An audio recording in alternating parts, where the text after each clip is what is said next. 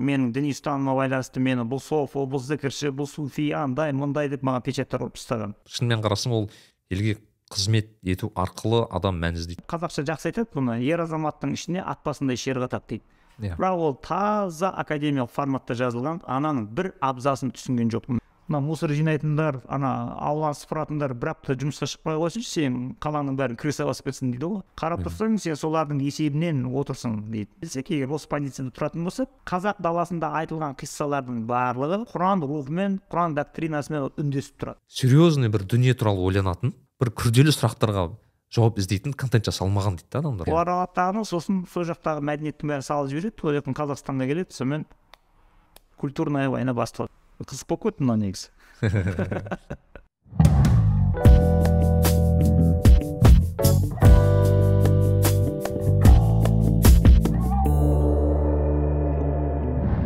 ассалаумағалейкум достар. Сіздермен мен нәрікби және нәрікби лайф кәсіби және рухани өмір подкаст. Әдеттегідей біздің ә, подкаст басталмас бұрын бізге лайк басып және де каналға жазылуды ұмытпаңыздар. Ал бүгін бізде ерекше подкаст. Өйткені бүгін бізде қонақта санжар керімбай ағамыз келіп отыр. Санжар аға қош келдіңіз. А қош келдік. Иә маған шын айтсам Са- санжар ағаны былай осы подкаст жазу маған ерекше ә, бір ерекше болды. Себебі санжар аға білсем кайсери қаласында қазір өмір сүріп жатыр.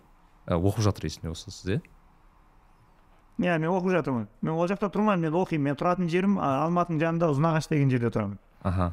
Иә расымен сіз оқып жатыр екенсіз. Сіз ол кішкене айтып жібересіз бе? Сіз қандай жерде оқып жатыр о- оқып жатсыз өйткені маған ондай іздеп көріп едім. Сіз еш жерде таба алмадым. А, кайсери қаласында эрджес деген университет бар. Сол эрджес деген университеттің ішінде ә, дін психологиясы деген ә, жаңағы илахият дейді ғой енді олар. Соның ішінде дін психологиясы деген бөлім. Ә, сол бөлімнің ішінде бірақ мен өзім қызығып жаңағыдай өзім көңілім құлаған профессорларды жаңағыдай ізінен қуалап жүріп лекцияларды тыңдайтын өзімнің мынандай жеке бір ізденісім деп айтуға болады. Ә, сол жерде мен мына экзистенциялық философия деген жағына көбірек көңілім ауып кеткен. Сосын мына соплардың философиясыменен жаңағы экзистенциялық философияға қатысты лекциялар тыңдап ә, сол бағыттағы жиған білімімді мына қазақ қоғамына қазақша кітаптар жазу арқылы ақтарып отырамын болды. Менің міндетім осы жерден бітеді. Иә. А, негізі сіз өзіңізді логотерапевт деп санайсыз ба әлде? Кім деп кім деп өзіңізді таныстырасыз адамға жоқ мен енді өзімді логотерапевтпін деп санамаймын. Оны оны маған енді мына қоғамның таңып тастай беретін жаңағыдай жаңағы тағып қоятын ярлықтарының біреуі деп ойлаймын. Мысалға мен кезінде жаңағы автократияның күшті кезінде менің діни ұстанымыма байланысты мені бұл софы бұл зікірші бұл суфи андай мындай деп маған печаттар ұрып тастаған. А кейіннен біз логотерапия немесе өмірге құштарлық деген кітапты аударып едік елдің бәрі мені логотерапевт деп таныстыратын болды да. Сондықтан оны Иә. сен қоғамның тарапынан саған тағылып жатқан идентификациялардан сен қашып құтыла алмайсың ал негізі мен өзімді ә, қазақша кітап жазатын ағартушылық бағыттағы былай ізденушімін деп айтуға болады. Себебі біз 2013-тен бері міне биыл ә, 13 жыл болады енді 10 жыл болады енді бір айдан кейін біз тек қана осы ағартушылық бағытта кітаптар жазып келе жатқан адамбыз. Біз бүкіл күшімізді қуатымызды потенциалымызды сол қазақ тілінде кітап жазып соны қазақ қоғамына ұсынуды ғана негізгі бағыт бағдар приоритет қылып қойғанбыз. Біз академиялық карьера жасамаймыз. Біз бір университетке жұмысқа тұру бір кафедраға жұмысқа тұру бір мұғалім болу болмаса бір жаңағы скопсқа мақалалар жариялап халықаралық конференцияларда жаңағыдай жаңағы мұртымыз көкке шаншылып ол жерде кімсің пәленше болып отыратын бізде мақсат мұрат жоқ. Біз бір нәрсені үйренуге тырысамыз білетін бір маманнан барып сұраймыз содан тыңдаймыз. Үйренген затымыздың бәрін қазақша кітаптарға саламыз да қоғамға таратып жібереміз болды. Иә мен негізі мені былай иә да. бір иә, қазақша кітап жазатын ағартушылар деп айтса жаңағы отбасы хрестоматиясы қорының негізін қалаушылардың біреуі десе онда бұл дұрыс болады. Негізі жазушы деп айтсақ болады ғой сізді қазір онда кітап шығарып жүрген ағартушы жазушы деп. Мен солай деп айтса да болады бірақ енді бізде жазушы деген сөз ыыы ассоциация немен болады? Бір әдеби көркем тілде жазушы жаңағыдай бір сюжеттерді ойлап тауып бір жаңағыдай образдарды сөйлететін болып ыыы қабылданады ғой. Иә. Енді мен өзімді жазушы деп есептемейтін себебім мен әдебиетпен ол бір профессионалдық деңгейде айналысқан адам емеспін. Иә. және онда менде мақсат мұрат болған емес мен кішкентай кезімде бір жазған емеспін. Ал менің атымнан шығып жатқан кітаптар мысалға енді менің автор ретінде көрсетілген өзі үш кітап қой біреуі өмірге ғашық болу біреуі өркениетті адам біреуі белсенді және болмыс деген. Бірақ олардың көбісін мен кезінде ә, фейсбукқа тіркелгеннен кейін жаңағыдай өзіме жазылатын адамдарды жинау үшін және жазылған кітаптарды көпшілікке насихаттау үшін ә, көпшіліктің назарын аударып қызықтыру үшін өмірімнен өткен оқиғаларды сондай ә, экзистенциялық анализ форматында жазған логотерапияның философиясын араластырып.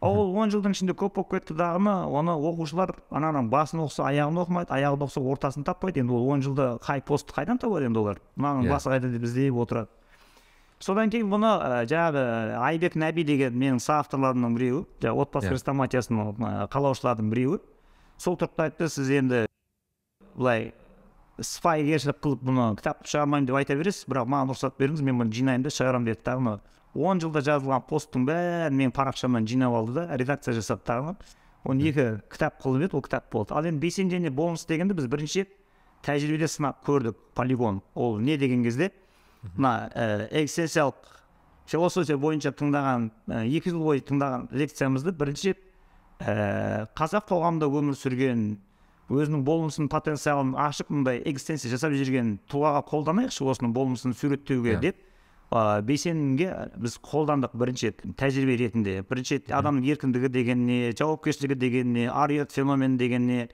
және оған бейсеннің сүрген өмірі өзінің былай көрсеткен өнері артқа қалдырған үлгісі енді өте әдемі келді. Соны біз енді оны Иә. ұсынып көріп ол қатты қолдауға ие болды дағыны бұны әсіресе мына қазақ мектептері оқушыларға үлгі өрнек бір идеал ретінде ұсынатын бір көрнекші құрал ретінде жақсы қабылдап алды да. Мысалға бір ақ жылдың ішінде он бес мыңға тиражы сатылып кетті оны негізінен мектептер алады қазақ мектептері. А, содан кейін біз енді а, бағытымызды тағы да айқындай түстік бағытымызды нықтай түстік яғни ә, әрбір осындай ә, қайталанбас болмыстарды яғни қайталанбас үлгі өрнекпен өмір сүрген мына қазақ қоғамында насихатталмай қалған адамдарды осы экзистенциялық философияның форматында жазайық насихаттайық ағартайық таратайық деп осы мақсатқа біз бет бұрдық. Мен мен ол ә, бейсен және болмыс деген кітабыңызды оқымадым әлі бірақ менде жоспарымда бар. Бірақ мен түсінсем сіз ол кітапты бейсен құранбек ағамыздың өмірін сол логотерапия арқылы талдап жатсыз иә логотерапияның ә, не принциптері бойынша деген сияқты иә? Иә солай деп айтуға болады. Мына ә, бізде адамның өмірін талдаған кезінде көбінің қателесетіндері жаңағыдай ғой. Ә, бұған дейінгілер көбіне бір автобиография сияқты мына жылы туылды мына жылы не болды? Иә. мынандай мынандай нәрселерді істеді дейді дағыны бірақ оның мына адамның ішіндегі мына рухани потенциал дейді ғой. Яғни адамның болмысына ғана тән нәрселер. Оны не деп түсіндіреді? Мысалға адам еркін жаратылыс мақұлықта еркіндік жоқ тек инстинкт бар. Иә. Яғни таңдау жасай алмайды. Енді осы таңдауын қалай пайдаланды? Сосын ә, адам махаббатпен өмір сүре алады яғни бір сүйген адамымен сөз байласса сол жаңағы адал некесіне кіріп түсірмей соңына дейін жүре алады ал жануарларда ондай қасиет жоқ олар жылда жұптасқан кезде ол жұбы жаңа не ауысып отыра береді және ол тұрақты махаббат іздемейді де мысалға ә, сосын ар ұят мәселесі яғни өзінің жеке басына абыройына қызметіне карьерасына нұқсан келетін болса да ар ұятын сақтап қалу үшін жеке басына зияны келетін тәуекелдерге бара береді мысалға ә, ол жағдай мен ар ұятымды сақтап қалу үшін өзімнің жеке басыма я болмаса қызметіме зиян келтіретін нәрсеге мен бара беремін дейді да адам бара береді. Иә. енді бұндай рискке екінің бірі кірмейді ғой мысалға. Сондықтан бұл осы нәрселердің бәрі адамның бойында қалай көрінеді. Негізі олай істеп жатқан адамдар көп олай қоғамда бірақ көбісі танымал емес болғандықтан оны сен насихаттап көрсету қиын болады. Иә. ал енді бейсен деген біздің азаматымыз ол енді ана айтуға оңай да телевидение істеді да журналист ретінде біріншіден ол танымал болды. Екіншіден ол шынымен де өзінің мына құдайдың берген ә, еркіндігін мүмкіндігінше тиімді пайдалануға тырысты. Барынша ол мысалға карьера қуған жоқ атақ абырой қуған жоқ ақын араларды жаңалаған жоқ. Егер саяси карьера жасаймын дейтін болса жоқ дегенде бір министрлікте вице министр болып шалқып отыратын мүмкіндіктері толып тұрса да бірде біреуін пайдаланған жоқ. Керісінше барынша мына қоғамды ең төменгі қабатынан бастап ағартайын тазартайын осы кейінгі ұрпаққа бір үлгі болып қалсын деп ол төменге қарай кеткен адам. Яғни жоғарыдан өзгертуге тырысқан жоқ ол төменнен бастап мысалға. Иә. Себебі оның кезінде жоғарыда енді ол әбден жемқорлық жайлап біткен ол жерде тек өмірің далаға кететін еді. Шынымен де бұл өмірін өте сәтті пайдаланды соңғы он жыл ә, жаңағыда құдайдың қазасы келіп жеткен кезінде еш өкінішсіз яғни мына өлім феномен деген де бар өлу өнері деп айтады бұны жаңағыдай ә, жаңағыдай искусство умирания дейді ғой. Яғни ә, жаңағы карл ясперстің айтатыны біз жалпы ә, философиямен айналысу деген не ә, өмірді профессионал деңгейде сүру деген не деген кезде бұл өлуді меңгеру өнері. Дұрыс өле алу өнері деп негізі аталса болады дейді. Сен не үшін деген кезде сен бала күніңнен өлетініңді білесің жас күніңнен сен өлімге дайындала аласың. Сондықтан бұл өзіңнің өлетініңді алдын ала сезіп тұру деген сөз бұл тәңірлік әлемнен келген бір месседж яғни Иә. барынша дұрыс өлуге тырыс барынша жаңағыдай абыроймен өліп кетуге тырыс сенің дайындығың бар деген. Сондықтан бұны да өте сәтті пайдаланды. Мен оны ажал сағаты, сағаты тақаған кезінде өмірінің соңғы сәттерінде екі рет кездестім. Ода андай паника болған жоқ мысалға. Ойбай енді не болады иә, енді жаңағы ердің жасы елуге тақаған кезде мынандай болды бала шаға бар еді әйел бар еді анау бар еді демейді мысалға. Бір өзім бес адамның өмірін сүрдім. Бүгін өліп кетсем арманым жоқ деп ол отыра береді. Сондықтан Иә. бұл ә, таңғажайып бір құбылыстар бұл болған. Ә, сондықтан біз енді бұны жаңағы экзистенциялық философия логотерапия да сол сонымен байланысты ғой екеуі. Егіз ә, бір бірін Иә. толықтырып бір бірін жаңағыдай сүйреп отырады. Енді ана философия философия алаңында ә, еңбек етсе логотерапия оны психологияға қарай алып келеді. Яғни медицина саласына кіргізеді. Практикалық жағын күшейтіп жібереді деп айтайықшы. Иә. Сәлем достар. Кітап оқу өзін өзін даму жолындағы адамның басты құралдарының бірі. Және осы туралы біз подкастта өте жиі айтамыз. Және осы орайда подкастымыздың осы саны шығуына бізге көмек білдірген достарымыз кітап ал кітап дүкені туралы айтқым келіп отыр кітап алдың басты миссиясы қазақстанда кітап оқитын елге айналдыру және осы мақсат үшін барлық амал әрекетті жасауда. Мысалы қаласаңыз кітапты дүкенде отырып оқысаңыз болады қаласаңыз үйге дейін жеткізіп тапсырыс берсеңіз де болады. Өзім атап өтетін ерекшеліктердің бірі кітап алда отандық авторлар және де көп кездеспейтін ә, бестселлер кітаптарды табуға болады. Мысалы біз бүгін ә, санжар керімбай ағамыздың логотерапия атты кітабын мен дәл осы ә, алдан тапқан болатынмын. Ә, басқа да ә, қосымша ақпарат алу үшін кітап алдың әлеуметтік желілеріне жазылуға кеңес беремін. Ал барлық ағаш бірдей жеміс бермейтін секілді кітапты да зор талғаммен таңдаған дұрыс. Сол үшін бірге даму үшін осындай кітаптарды ә, кітап алдан алып бірге оқиық. Ал біз подкастымызды жалғастырамыз иә. А, мен ә, сізбен жалпы сіздің еңбектеріңізбен осы логотерапия арқылы таныс болдым. Ә, менің досым бар сіз оны жақсы танисыз ол ә, бексұлтан деген бала. Желтоқсан деген атымен танымал жігіттердің бірі иә иә атыраудың жігіті. атыраудың жігіті. Ыыы сол маған ыыы осы подкастымыздың барысында ол өміріме қатты әсер еткен ол санжар ағамыз деген және де осы логотерапиясы маған біраз дүниені үйретті деп айтады. Сол кезде мен қызыға бастадым да сіздің ыыы логотерапия деген кітабыңыз бар екен ғой. Виктор франклдың кітабы негізінде жазылған. Сол кітапты оқи бастадым. Маған шынымен өте ұнады. Ыыы әсіресе ыыы жазу стилі ұнады. Өйткені ол қаттан академиялық стильде емес кәдімгі қарапайым ыыы біздің қазақтың сөздерімен қолдану арқылы жазылған кітап екен. Бірақ ыыы менің байқауымша бұл аударма емес бұл балама сияқты болып көрінді маған. Шын айтсам өйткені ол көп мысалдар ол кітапта сіздің жеке тәжірибеңізден немесе бір бағанағы қазақтың бір мақалдары немесе бағанағы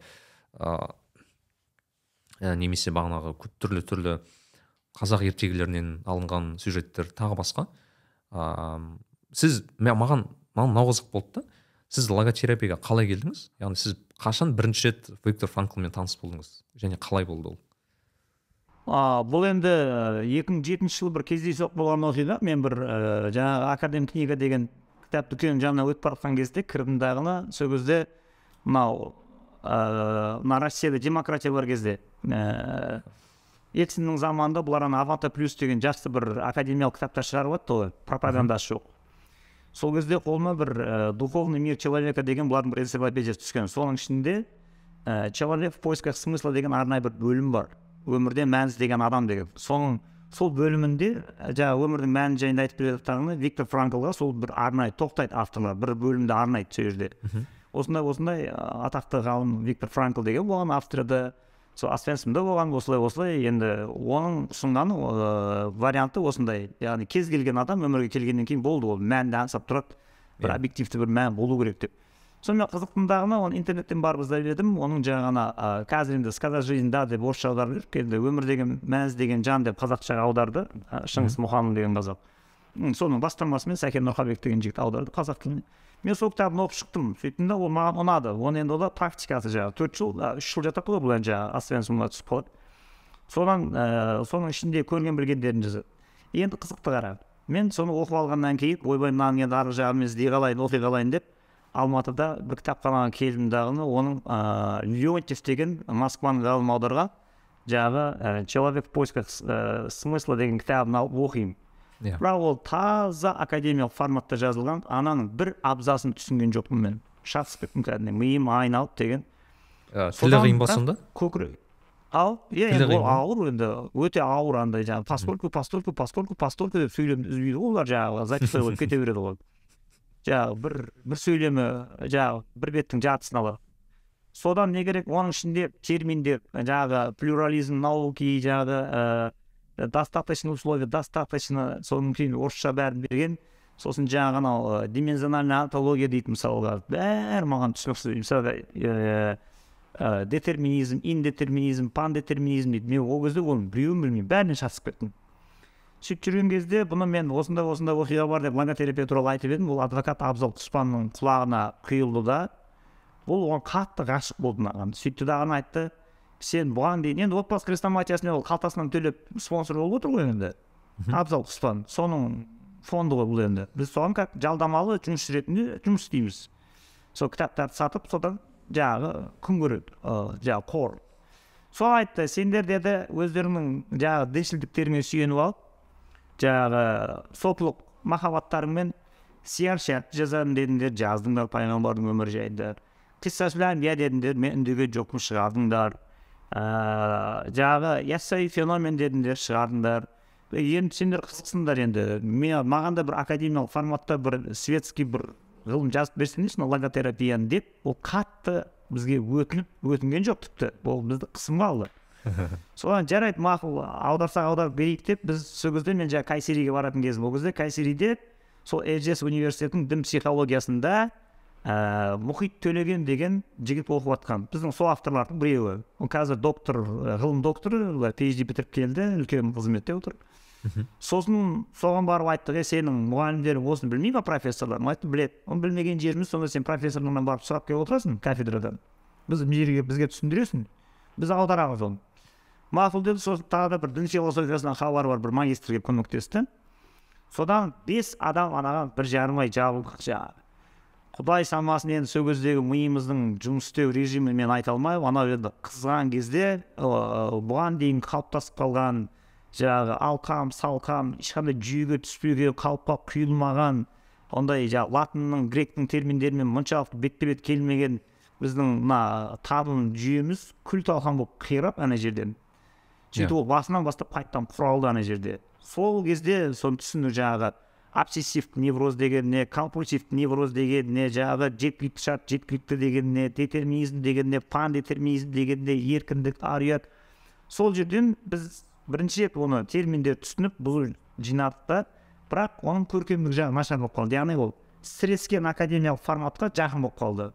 Оны енді арнайы соның соңында жүрген мамандар ғана оқиды ол кітапты. Бірақ көпшілік оқи алмайды. Ол сен тәпсірге тәпсір беріп отыруың керексің. Иә. сосын кейіннен келгеннен кейін бір арада бір алты ай өткеннен кейін біз жазда қайтқан жиналдық. Айбек нәби екеуміз. Сосын айттық мынаның тілін мына болмайды мынау кітап ертең қор болады мұны бір ары кетсе жүз маман я оқиды я оқымайды ал енді миллиондаған халыққа қайтіп сатасың бұны. Қайтіп түсіндіресің өмірдің мәнін дегенді. Сондықтан бұны қазақ қиссалармен қазақ түсініктермен мына сындырайық. Сосын сосын жаңағы франклдың өзінің ауыр академиялық тексттері төбесінде тұрсын кіріспе сияқты болып. Астына біз қазақша берейік дедік дағыны әрбір терминді сындыратын әрбір терминнің ішіне бүгіп жатқан қою мазмұнның бәрін ашып түсіндіретін кәдімгі классикалық құндылықтар деп айтады ғой өзі жаңағыдай трансцендентная ценность дейді жаңағы тәңірлік әлеммен байланысып жатқан бір ішіне бір ыыы тылсым мағынаны бір иләһи мағыналарды ыыы сіңіріп алған қиссаларды біз қолдандық. Соның арқасында ғана бұны бұқара халық түсінді жақсы қабылдады мектептегі психологтар да бұны ә, жақсы іліп алып кетті Иә. соның негізінде біз кейіннен бұдан да бұны мектепке жеңілдетіп бұдан да мектептегі тәрбие жөніндегі завучтар мен психологтарға көмек болу үшін былтыр ә, виктор франклдың ә, әйел шәкірті элизабет лукас деген ә, жаңағы профессордың әйелдің кітап леспа кітабын алып оны аударып сосын балалықтан даналыққа дейін деген кітапты мектепке арнап бөлек жаздық. Сонда екі кітап болып тұр ғой негізгісі. Яғни логотерапия немесе өмірге құштарлық ол біреу. Жаңағы леонтьевтің аудармасының негізінде жазылған. Иә. Ал екіншісі элизабет лукастың беспа кітабының негізінде бірақ кейстер дейді ғой жаңағы олар германиядағы кейстерді берген. Яғни германияда мынандай оқиға болды германияда мынандай оқиға болды деген. Иә. Ал оны қазақ қоғамына жат енді осы штутгартта бір немістің үйінде бір ұрыс болыпты конфликт болыпты баласымен ұрысып қалыпты деген ол қазаққа қызық емес қой мысалы. Иә түсінбейді де оны. Олардың қоғам бөлек демократия бөлек. Ал бізде жаңағы семьясында қандай ұрыс керіс болды мысалға? Баласымен қандай ә, дағдарысқа кірді бұлар? Күйзеліске түсті. Сондықтан кейстарды тек қазақшалайық дедік ал ол құдайға шүкір бізде кейстеге жетеді ғой қазақстанда. Иә. Әрбір үшінші семьяға кірсең өмірдің мәнін таба алмай тығырыққа тіреліп тұрған адам жетеді. Мына баласы басқа бағытта әке шешесі басқа бағытта деген сияқты. Сондықтан ол кейстермен байытылды дағыны ә, қазір бұл балалық пен даналыққа деген кітаппен және логотерапиямен жұмыс істеп жатқан психологтармен және тәрбие жөніндегі завучтарға бұл белгілі бір дәрежеде бір жеңілдік алып келді. Иә мен ыыы маған қызық болды. Өйткені мен ыыы оқып жатып шынымен ыыы бағанағы академиялық тексттің қазақша қазақшаланғанын түсіндім да. Өйткені шынымен даже тіпті анау сіздердің аударған ыыы сөз ыыы тексттерін қарасам шынымен ыыы басым халық менің ойымша түсінбес еді деген ойдамын. Және бірақ астына берілген анау мысалдар әсіресе үлгі мысалдар өте әдемі келтірген. М менде мынандай сұрақ бар. Сіз бірінші рет ә, логотерапия туралы танысқан кезде мысалы өмірлік мән, ә, мән ә, человек поисках смысла деген бағанағы орысша кітапты оқыған кезде өзіңізге өзіңіз қандай әсер алдыңыз? Жалпы өзіңізге бір бір қандай бір ойға алып келді деген сияқты ғой.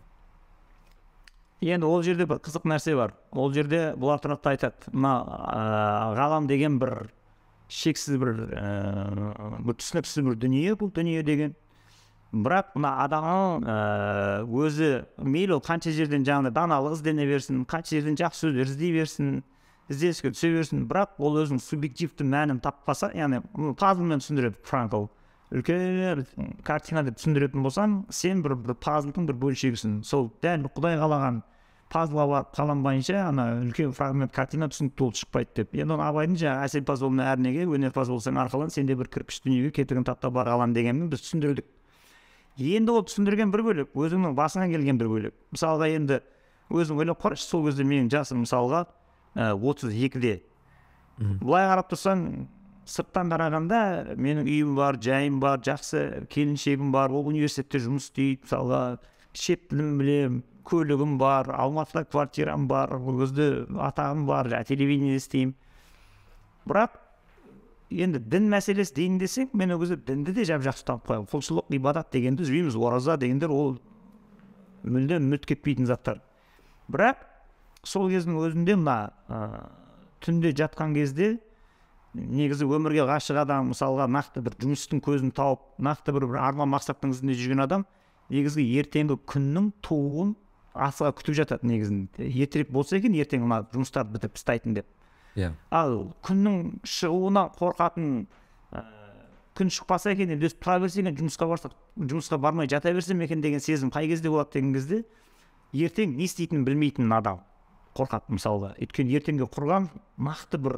шабыт беретін жұмысы жоқ. Енді амал жоқ күнкөріс үшін барады ғой енді ақша төлейтін жеріне бірақ шабытпен көңіл күймен кіріспейді сондықтан ол отыз екі жасында ол менің де басымнан өткен әңгіме. Былай қарап құлшылық ғибадат жаңағы діни ритуалдардың бәрін қатырып жатырмыз оны жібермейміз мысалға. Ал бірақ бір азанда ұйқыңнан тұрған кезде көңіліңде бір құлазға бір бостық сен өзіңнің орныңа барып қаланбаған сияқты тек әдемі сөздерді жаттап алып жұртқа айтып елді аузына қаратып елтіп отырған бірдеңе сияқты болып көрінеді да. Нақты ә, құдайдың саған ғана жүктеген сен ғана істей алатын юник нәрсе дейді ғой жаңағыдай. Мысалға екінің бірі істей беретін жұмысты сен де қайталап істеп тұратын болсаң онда айтуға болады да ол неменеге оны әлдеқандай отырсың дәл мына сен істеп отырған жұмысты ана пәленше де істейді деп. Сондықтан сен өзің ғана істей алатын істің көзін таппағаннан кейін сенде бір құлазыған көңіл күй пайда болады енді ол көңіл күй менде болды жаңағыдай мазам қашып әсіресе назамда ерте ұйқыдан тұрған кезде аппетит болмайды мазаң қашып бүйтіп басың айналып тұрады өмір сүргің келмей тұрады мына енді сонымен жаңағы кітапты оқыған кезде соның ішінде ол өте әдемі жаңағы экзистенциал вакуум дейді ғой жаңағы экзистенциялық бір бостық деп сол терминді қояды ол сол жерде. Сол жерде дәл айтады ана ә, ашық космоста жұмыс істеп жатқан кезінде шлангысы үзіліп кетсе дейді бір космонавтың. Енді өзің ойлашы қандай қорқынышты мысалға сен ана ашық космоста станция сыртқа шығып шлангылар сүйретіліп жұмыс істеп ана ремонт жасап жатқандарды көрген кезде үрейің шатылып астында жер шары айналып еді доп сияқты иә. Енді анау соны көріп тұрғанда үрейің ұшып тұрады. Енді шлангысы қиылып кетіп ана бейшара құрдымға кетсе не болады? дейді да сол сияқты мынау ә, өмірдің мәнін таппаған бір өмірге мән дарытып тұрған бір сәулемен бір шағылыспаған сонымен бір байланыспаған бір жаңағы алтимит мининг дейді. Тәңірлік әлемдегі бір бұны өзіне шақырып тұрған бір абсолюттік болмыспен бір контакт орнатпаған адамдардың бәрі сол шлангысы үзіліп кеткен космонавт сияқты бір құрдымға қарай кетіп бара жатқан бір жаман жағымсыз сезімді бастан кешеді деп бұлар әртүрлі осындай образдармен береді соны сипаттағанда сол бұл менің ішімдегі үрейге бұл сәйкес келді ғой дәл сол мазам қашып кетті кәдімгідей ананы содан бұл ана кітаптың соңына түсіп қуалап мынау бұл былайша айтқанда діндегі ритуалдардың мәні деген нәрсе болу керек негізінде яғни не үшін мұсылмандар бес уақыт намаз оқиды олар не үшін бір ай өзін қинап ораза ұстайды көрдің бе оған қатысты қазір мұсылмандар көбіне ол сұрақты қоймайды да соның кесірінен өздері экзистенциялық кризиске кіріп кете беретін себептер. Сол былай қарағанда енді ол өзі құдайдың әмірін орындап отырмын деп отыз күн ораза ұстап отыр. Бірақ ол не үшін ұстап жатрсың енді бұны деп сұрақ қойса ол көбіне мынандай ә, уағыз форматында жауап береді. Егер осы ұстасаң ана дүниеде жағдайым жақсы болады деген сияқты. Енді оған Иә, енді иә. ақылды зерек адамдардың көңілі одан қанағат алмайды ғой ол енді философия сұрай береді ғой. Болмаса бес уақыт мінәжатқа маңдайыңды сәждеге тигізіп жығылып жатудың не мәні бар мысалы? Соны түсіндірші бұны істемей ақ қойса не болады? Мен бұдан бір зиян шегемін ба жоқ бір пайдасы бар ма? Пайдасы бар дейін десек сен соны істеп жүргенге пәленбай уақыт болды бірақ сен енді бұндай дінмен шаруасы жоқ пәлен түген деген адамдардан сенің адамгершілігің төмен ғой мысалға деп тағы тиіседі анаған. Сондықтан бұл бір шетінен мен өзімнің сеніп таңдап ұстап алған дініме де қатысты болды яғни сұрақтарды мен енді логотерапияның ракурсына қоя бастадым шынымен не үшін адам дінге сенеді нақ бұл киелі кітапқа біз үйіміз нақ бұл бес уақыт құлшылық деген шыққан нақ бұл бір ай жылына адам ораза ұстайды бұл ізденістер бұл сұрақты қойғаннан кейін мысалға сұрақ қоюды логотерапия саған түрткі болды е, қойсайшы сұрақты қойсайшы ана мәніне қатысты сен сұрасайшы енді ананы бұның мәні не бұның мәні не деп сұрасайшы деп ал оны сұрай берсең сұрай берсең сұрай берсең ол сұрақтарға жауап берген кәдімгі софы ғұламаларға ақыры барып жолығасың енді Иә. нені іздесең соған барасың ғой енді. Сондықтан кейіннен ә, бір қызығы жаңағы кайсериде отырғанда профессор сөйлесіп отырған кезде маған айтады. Ай сен не ана бір австрияда бір ақылды еврейдің баласының логотерапиясына жабысып алып жаңағы өмірдің мәні не деп сұрай бересің. Қатты білгің келіп бара жатса ана ибн арабидің кітабы бар. Біздің ә, мұстафа чакмаклоул деген ғалымымыз аударды. Діни ибадеттердің маневи yorumы деген кітабы бар яғни діни құлшылық ғибадаттың рухани мағынасы деген кітабы бар сен соны Иә. алда барып оқышы сол көкесі сөйірде деп сонымен ол кітапты алдыртып оқып шынында да енді анау ә, мастер десе мастер ибн араби барлық мынау ә, діни ритуалдарды сен орындаған кезінде құлшылық ғибадат мінәжат жасаған кезде әрбір қимыл қозғалыстың ә, мәніне оның трансцендентті қандай символ арқалап тұр? Сенің өміріңе ол қандай месседждер ақтарғысы келіп тұр? Соның бәрін жіліктеп шығады ана жерден. Содан бастап ол былайша айтқанда менің ііі дінді былай бір философиямен ұстап отыру керек хикметін біліп тұру керек деген құлшылық неңді күшейтіп жіберді былайша айтқанда. Иә. Әлсіреудің орнына ә, күшейтті сондықтан бұл ізденістер тереңдете береді да бұл сұрақ. Сондықтан басы осындай академиялық ізденіспен басталады ал ол уақыт өте келе ол классикамен бәрі шабысады маған ә, жеке өзіме қызық болған жағдай мынау ә, виктор франкл мен қысқаша айта кететін болсақ виктор франкл ол австриялық ә, еврей яғни ол жерде өмір сүрген бірақ кезінде Ф- фройдпен маслоумен тағы басқа көптеген филос ә, психологтарға қарсы шыққан кісілердің бірі ғой негізі былай қарап қалсаң. Қарсы шыққан деген кезде олардың ыыы оппоненті иә оппоненті иә былайша айтқанда олардың пікірімен ә, өзінің олардың пікіріне қарсы өзінің пікірі болған кісі. Және де ә, кейін мысалы концлагерьге түседі концлагерьден шығады және бағанағы өзінің бағанағы осы кітаптарын тағы басқа жаза бастайды. И мен оқуым түсінгенім бойынша ол кісі өте көптеген адамдарды суицидтан құтқарады. Ә, жеке венада австрияда әсіресе есімде болса сондай бір ақпарат оқыдым. Иә иә рас сонда ә, мен байқасам ол кітапта қателеспесем былай айтылған. Ә, көптеген адамдар өзінің шынымен не үшін өмір сүріп білмейді. Алайда олардың сіз айтпақшы барлық жағдай жасалған. Яғни жұмысы бар ә, спортпен шұғылданады там білмеймін үйі бар күйі бар былайша айтқанда бәрі жақсы. Бірақ адамдар өзі мағынасын ә, білмей бағана мосттан құлап жатады асылып кетеді тағы басқа. И ә, мен өзім ә, жеке алғанда сондай оқу, оқу барысында мен көптеген өзім қазақстандағы әсіресе ағаларды еске түсіре бастадым да. Әсіресе бір 35 қырық жастағы ағаларымды. Шынымен көбі осындай бір ә, орта жас кризисі дейді басқа дейді. Бірақ сондай бір ә, нені байқадым. И ә, сондағы ә, виктор франклдың маған қызық жері ол былай айтады да. Қателеспесем ол кісі яғни шіркеудің әсіресе ә, әлсіз болуы кезінде мысалы соғысқа дейін шіркеудің ә, мысалы жиырмасыншы ғасырға дейін шіркеудің мықты ә, әсері болғанымен жиырмасыншы ғасырдан бастап оның әсері қатты әлсіреді да сондықтан адамдар бір руханиятта бір мән таппады. Бағанағыда мен өзімнің былайша айтқанда жеке қалаушылықтарымды өтесем мен бақытты боламын деген сондай бір ұстанымға ие болды да. И маған қызық мен қазір еуропада тұрып жатырмын және маған сол сол, сол көзқараста бағанағы галландықтармен немесе немістермен сөйлескен кезде соны байқаймын да. Жеке өйткені ол кісілерге дін деген бір ыыы бұл тылсым зат былайша айтқанда.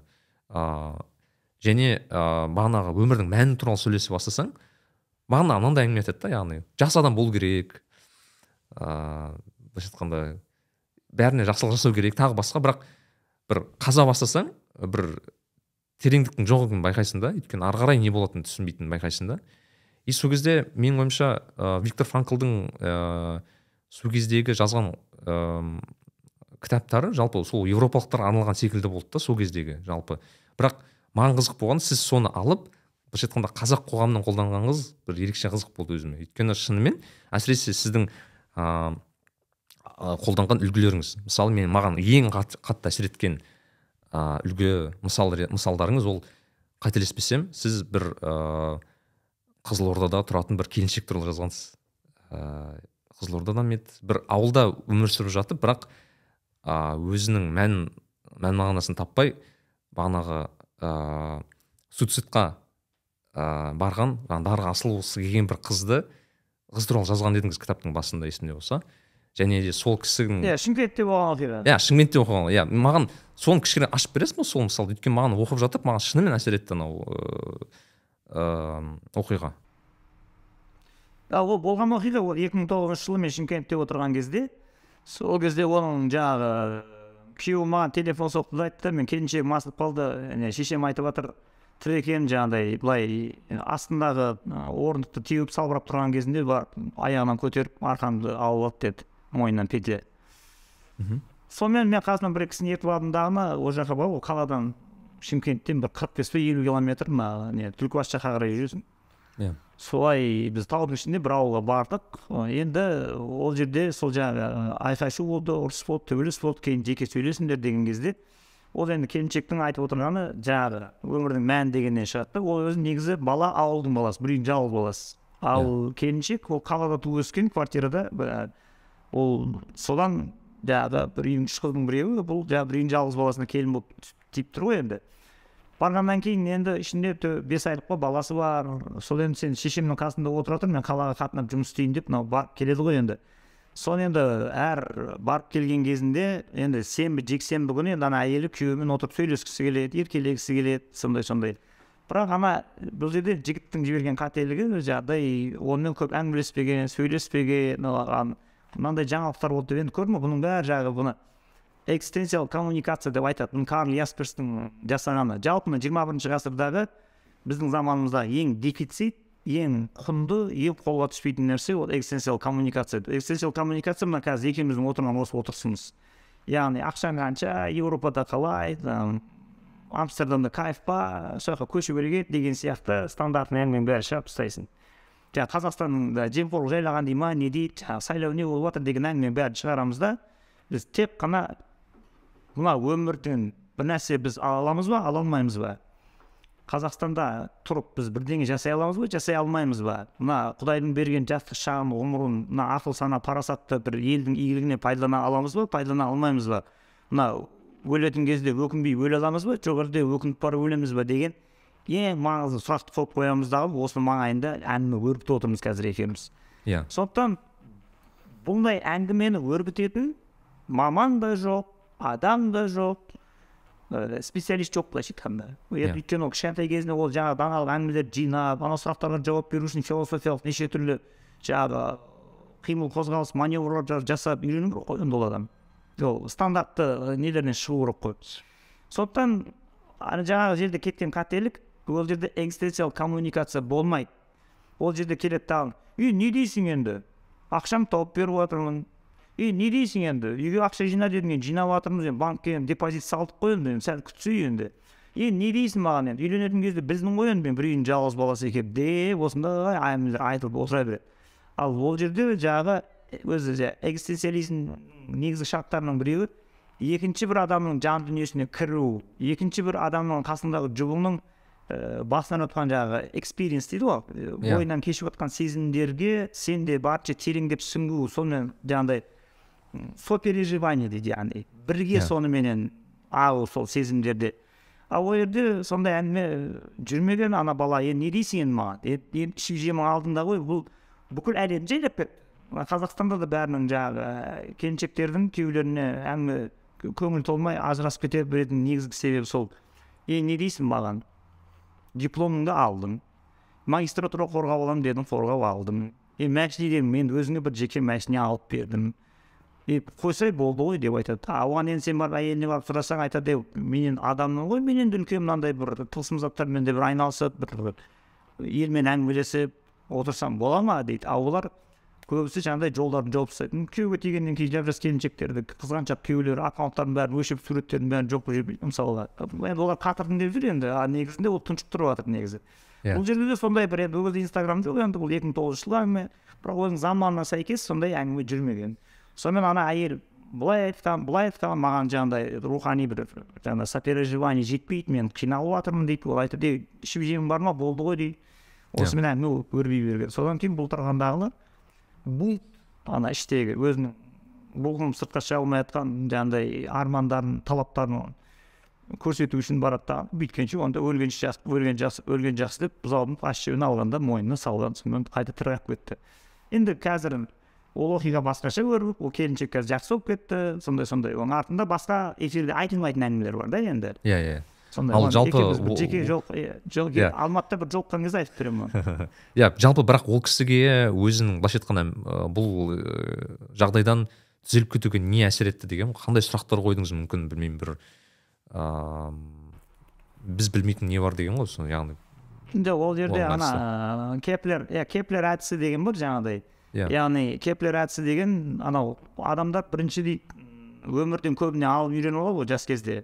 Иә. өмірден аласың ғой ләззат аласың үйленесің диплом аласың қызмет аласың айлық аласың статус аласың сені сыйлайды ала бересің ала бересің ала бересің. Сөйтіп дағыны сосын мынау алу кезеңі бітеді дағыны енді сен тарс етіп бұл клапандардың бәрі жабылады да енді сен алатын емес беретін кезеңге келесің. Иә сондықтан бұл аппаратта бұл ана мен бұрын андай қуаныш бар еді ол қуанышымның бақыт көздері бітелді. Мен бұрын мынандай жерден жаңағы радость алушы едім шаттық алушы едім ол да бітелді қазір балам өлді ол жоқ деген сияқты. Сол кезде тұрады айтады болды сіз дүниядан жеткілікті деңгейде нәрселер алып болдыңыз. Енді сен өзің керісінше біреуге қуаныш шаттық сыйлайтын біреудің қызметіне жүгіретін біреудің көңіл күйін көтеретін жағдайға сен фазаға ауыстың.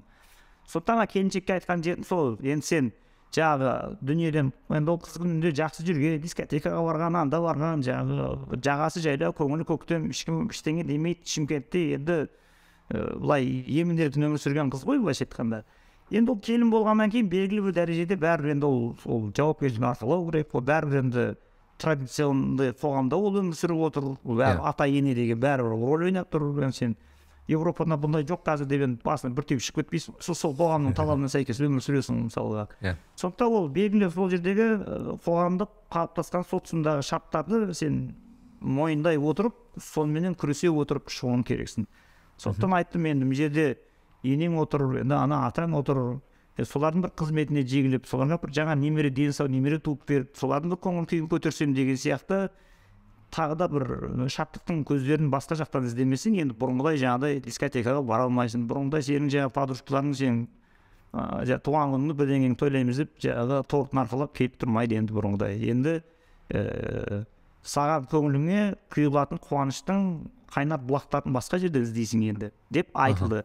Иә енді ол жерде ол терең түсініп кетуі міндетті емес ол сол сәтте кризистен уақытша шығып кетсе кейін ол қайтып бармайды дағы уақыт өте келе келе келе келе түсініп кетеді сондықтан жаңағы ең критикалық сәтте көмектесіп шығарып жіберсең болды ғой соны ол сол моментінде шығып кетті сол жерден енді м санжарға мынандай сұрақ болады бағанағы айтайық адамдар мән іздеп жүр енді логотерапияның негізгі мағынасы да сол. Мән арқылы емдеу дейді ғой. Адам мән іздеп жүр. Өзінің жұмысында өзінің ісінде өмірінде жалпы мән іздеп жүр. Ол адам не істеу керек қандай ыыы қадамдарға бару керек? Жалпы логотерапия тұрғысынан адам қандай сұрақтарды мысалы өзіне қою керек деген сияқты? Бұл өте күрделі елдің бәрінің басы қататын нәрсе. Иә. Ә, мысалға дейді ә, осы, сұрақты қояды кітаптан соған жауап беру үшін бүйтіп айтады. Бұны дейді бәрінің маған келген кезінде кабинетімде кірген кезде бүйтіп айтады дейді да әттең врач емеспін әттең мұғалім емеспін. Әшейін бір жүрген электрикпін бір сатушымын бір баяғыда бір педистома оқып медистома оқып хотя бір медсестра болғанымда ғой өмірдің мәнін былай табатын едім деп айтады маған дейді да бізде де қоғамда солай ғой енді көбісі жаңағы дәрігер болсаң біреудің өмірін құтқарасың ыыы жаңағы педагог болсаң балдарыңа жол көрсетесің бұл деген керемет қалғандары онша емес деген сияқты соны франкл айтады бұл онымен есептелмейді дейді неге десе егер дәрігер дейді врач өзінің жаңағыдай сағаты бар ғой дейді азанда тоғызда келді кешкі сағат алтыда қайту керек дейді солай ғой сол алтыда қайтатын кезінде тағы да бір экстренный бір оқиға болып қалып тағы да бір пациенттің жағдайы нашарлап кетіп оның қасында ол үш сағат тағы да қосымша отыру керек болатын болса және оның сол үш сағат қосымша отырғанына ақша төленбейтін болса ол сол ақшасын керегі жоқ құрысыншы мына адам тірі қалсыншы деп тағы да үш сағат пациенттің көңілі үшін отыратын болса ол мән деген нәрсе сол жерде жатыр дейді. Ал оған дейінгісі ана айны қалатын біз есептемейміз дейді төленіп тұр ғой анаған дейді. Сондықтан бұл жердегі бәрі көңіл күйдің ішіндегі ниетте болады. Мысалы педагогтарда қаншама адам енді педагогтың дипломын алып алады да мұғалім болып жұмыс істей береді ғой бірақ Иә. сен жаңағыдай бір ыыы мектептің ішінде ыыы оқушылардың арасында бір бір бейнормал бір тренд пайда болса соған қарсы соғыс ашудың орнына қойшы мына ыыы апайымыз жаңағы старомодная қайда жүр бірдеңелерді айта береді демесін деп солардың ығына қарай жығыла ма жоқ әлде ол қосымша сабақ арнап оларға рухани тәрбие беретін бөлек тағы да бір тегін курс ашып қоя ма мысалға. Ол соған байланысты деп айтады. Сондықтан кез келген адамның бір өзінің профессионалдық қызметінен бөлек мына қоғамға бір пайдам тисе екен дейтін бір ниетінің көрінетін бір қосымша коридорлар тұру керек дейді. Иә. Сондықтан бұл жерде ә, жаңағы көше сып- сыпырып жүрген алба сыпырып жүрген адамның өмірінде мән жоқ деп- деп айта алмайсың дейді ғой. Неге десе мына мусор жинайтындар ана ауланы сыпыратындар бір апта жұмысқа шықпай қойсыншы сен қаланың бәрін крыса басып кетсін дейді ғой. Қарап тұрсаң сен солардың есебінен отырсың дейді. Ең жаңағы лас нені мысалы канализацияға да түсетіндердің астына кіріп ең жаңағы лас былғаныс жерге түседі мысалы егер қаланың астындағы бәленбай ағып жатқан трубаны ремонттайтын жұмысшылар өзің білші бірақ бір ай егер жаңағы страйк жаңағы забастовкаға шығатын болса иә. Амстердам қай жаққа кетеді екен ана крысалардың бәрі жердің бетіне шығып кетсін мысалға. Иә. Көрдің? Ал сондықтан э, сен оны айта алмайсың дейді да кез келген мамандықтың ішінде мына қоғамның әйтеуір бір ыыы дұрыс жүріп тұруына э, үлес қосып отқан міндетті түрде бір адамдар бар. Мысалға сен жаңағы букинг комда істеймін деп жаңағы маған бағана таныстырып айтып жатрсың жаңағы қонақ үйлерді броньдаймын андай мындай жақсы. Бұл бір ақша тауып ыыы семья болашағына я ағайын туысқаныңа бір қарастырып бір өзіңнен артық ауысқан ақшадан экономдап оларға көмектесіп отырсың. Бірақ уақыт өте келе бұның тар екенін сен ол үшін жаралмағаныңды сенің ішіндегі потенциал одан мың миллион есе көп екенін сен бұдан да көп жаңағыдай адамдарға қуаныш сыйлайтын бойыңда күш қуат бар екенін уақыт өте келе жасың есейген сайын сезе бересің дағыны. Сосын қой тұра тұрсың. Мен онда құдайдың берген мына жаңағы айти заманындағы білімді мен дұрысқа жұртқа бір дұрыс әнмен ұсынайын деп былай қарап тұрсаң сен аптаның бес күнінде жаңағы қонақ үйдегі қонақтарыңмен алысып жатрсың туристтермен ар жағында екі күнді мәнге қойып қоясың. Былай қарағанда сен де осындай бір көзін таптың ғой енді әйтеуір. Мына иә. қоғамнан алғыс алатын көпшіліктің тарапынан саған ай мына нәрік би жараған екен жігітпісің жігіт екен ай осының арқасында қаншама бір құнды әңгіме тыңдап көзіміз ашылып қалды деп сенің болмысыңа қарай бағытталған алғыстардың көзі ашылды мысалға. Иә. сол сияқты кез келген бір қоғамның тарапынан бір алғыс еститін рахмет еститін бір каналдарды енді ол ашады. Бірақ ол ашатын нәрселердің бәрінің түбінде көрдің ба сол жасаған жұмысына ақы сұрамайтын мақтау сұрамайтын осыны біреу көріп бір жерде айтса екен деп тілемейтін бір тағы да бір ниет тұру керек. Ал енді ол ол енді мақтау тілемесе ақы тілемесе ол ниет қай жаққа бағытталып тұр деген кезде амалдың жоғынан қазіргі жастар қаласа да қаламаса да оларға ұнаса да ұнамаса да бәрібір дін құдай деген тема бәрібір көтеріледі. Иә. сондықтан бұны осындай виктор франкл сияқты карл густав юнг сияқты болмаса морган скотт пек сияқты ең ауыр салмақта күресетін психиатрлар бұны ашық айтады. Олар өздерінің авторитеттеріне сенгеннен кейін айтады е болды сендер құдай темасына тірелдіңдер мән деген нәрсе риясыз жасалады. Біреу көрсе екен мақтаса екен мысалға бір қарапайым нәрсе айтайын саған. Біреу қазақ қоғамының көзін ашатын шедевр жақсы мақала бір кітап бір нәрсе жазды. Бір әңгіме я болмаса бірдеңе бір пьеса жазды ма мен білмеймін.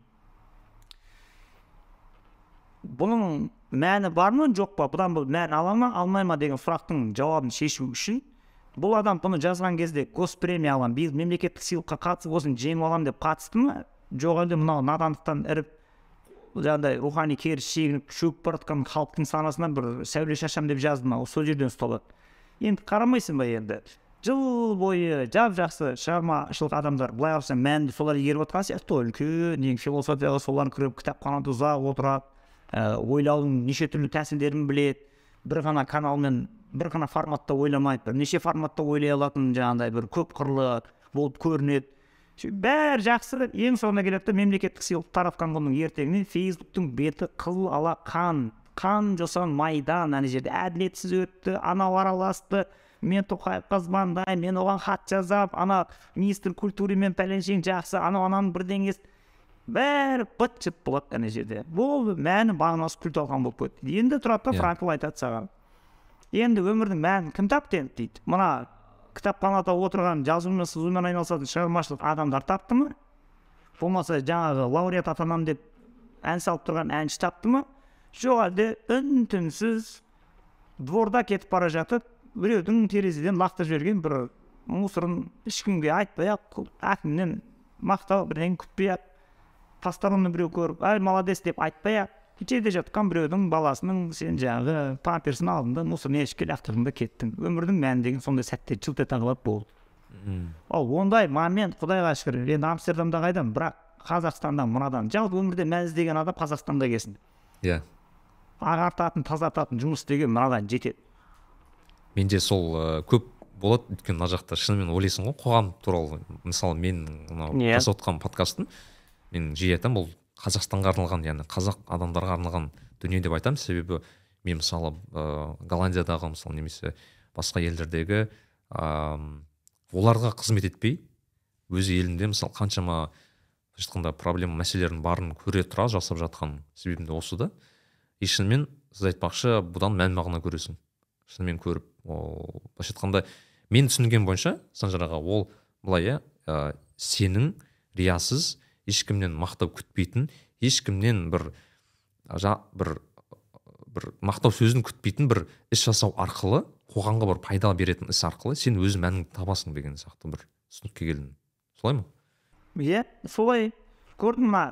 Мына құдай ұғымын біржола санадан шығарып тастамаңдар бұл өте қауіпті деп айтатын себебі сол. Себебі мынандай ғой енді мына жасаған жұмысыңды енді бұны президент бағалау керек бұны мәдениет министрі бағалау керек бұны әкім бағалау керек. Сені әкім приемға қабылдап саған үй беру керек. Қарашы енді ана санадағы құдайды ырза қылсам құдай разы болса деген бір классикалық түсінікті лақтырып жіберсе святор пусто не бывает деген ба? Иә, қарашы ана ана орын бос тұрған жоқ та бәрі оның орнына әкім ба министр ма біреу кіріп алады да ана жерге. Енді бұны солар мақтамаса солар сені елеп ескермесе онда не үшін бұл жұмысты істедің деген әңгіме шығады. Сондықтан біз мына логотерапияда менің соавторларым бәрі куәлік бере алады айта алады. Кітап жазылатын кезде кейде әйелдермен қоса отырғызып қоямын кітапты бастайтын күні. Сосын бәріне айтамын. Қазір кітапты бастаймыз. Және бұл таңғажайып кітап болатынына күмән шүмәндарың болмасын. Себебі біз екінің бірі кіретін темаға кірмейміз. Біз өте сирек адамдар айналысатын темаға кіреміз қазір. Иә бұл көптеген адамдардың өміріне сана сезіміне қатты әсер етеді. Бірақ бұл атақ абырой алып келеді сендерге. Атақ абырой алып келгеннен кейін әкімнен үй дәметпеймін министрден бір медаль дәметпеймін біреуден премия дәметпеймін деп келсек қанша қоғамның тарапынан мақтау келіп жатса да біз қатырдық деп айтпайсыңдар. Осыны қоғам ағарса қазақ халқының мына төменге түсіп кеткен сана сезім жоғары қарай көтерілсе мына қоғамда өмір сүру кішкене бір шабытты жағдайға келсе соған ырза боласыңдар. Сосын келіншектеріне шейін отырғызып қойып айтқызамын ата абыройда дәметпейсіңдер бәрі сөзде тұрып таптағаны ашық айтады. Иә иә біз ешқандай атақ абырой жаңағы ақшаға батып қаламыз деген дәмені шығарамыз. Жүрегімізден ондай ниет жүрегімізге ондай ниетті кіргізбейміз. Бізге осы халықтың сана сезімі өсіп қазақ қоғамы кішкене бір өркениетті қоғамға айналса сосын жаңағы трансцендент әлемде тәңірі тағала ырза болса бізге жетеді.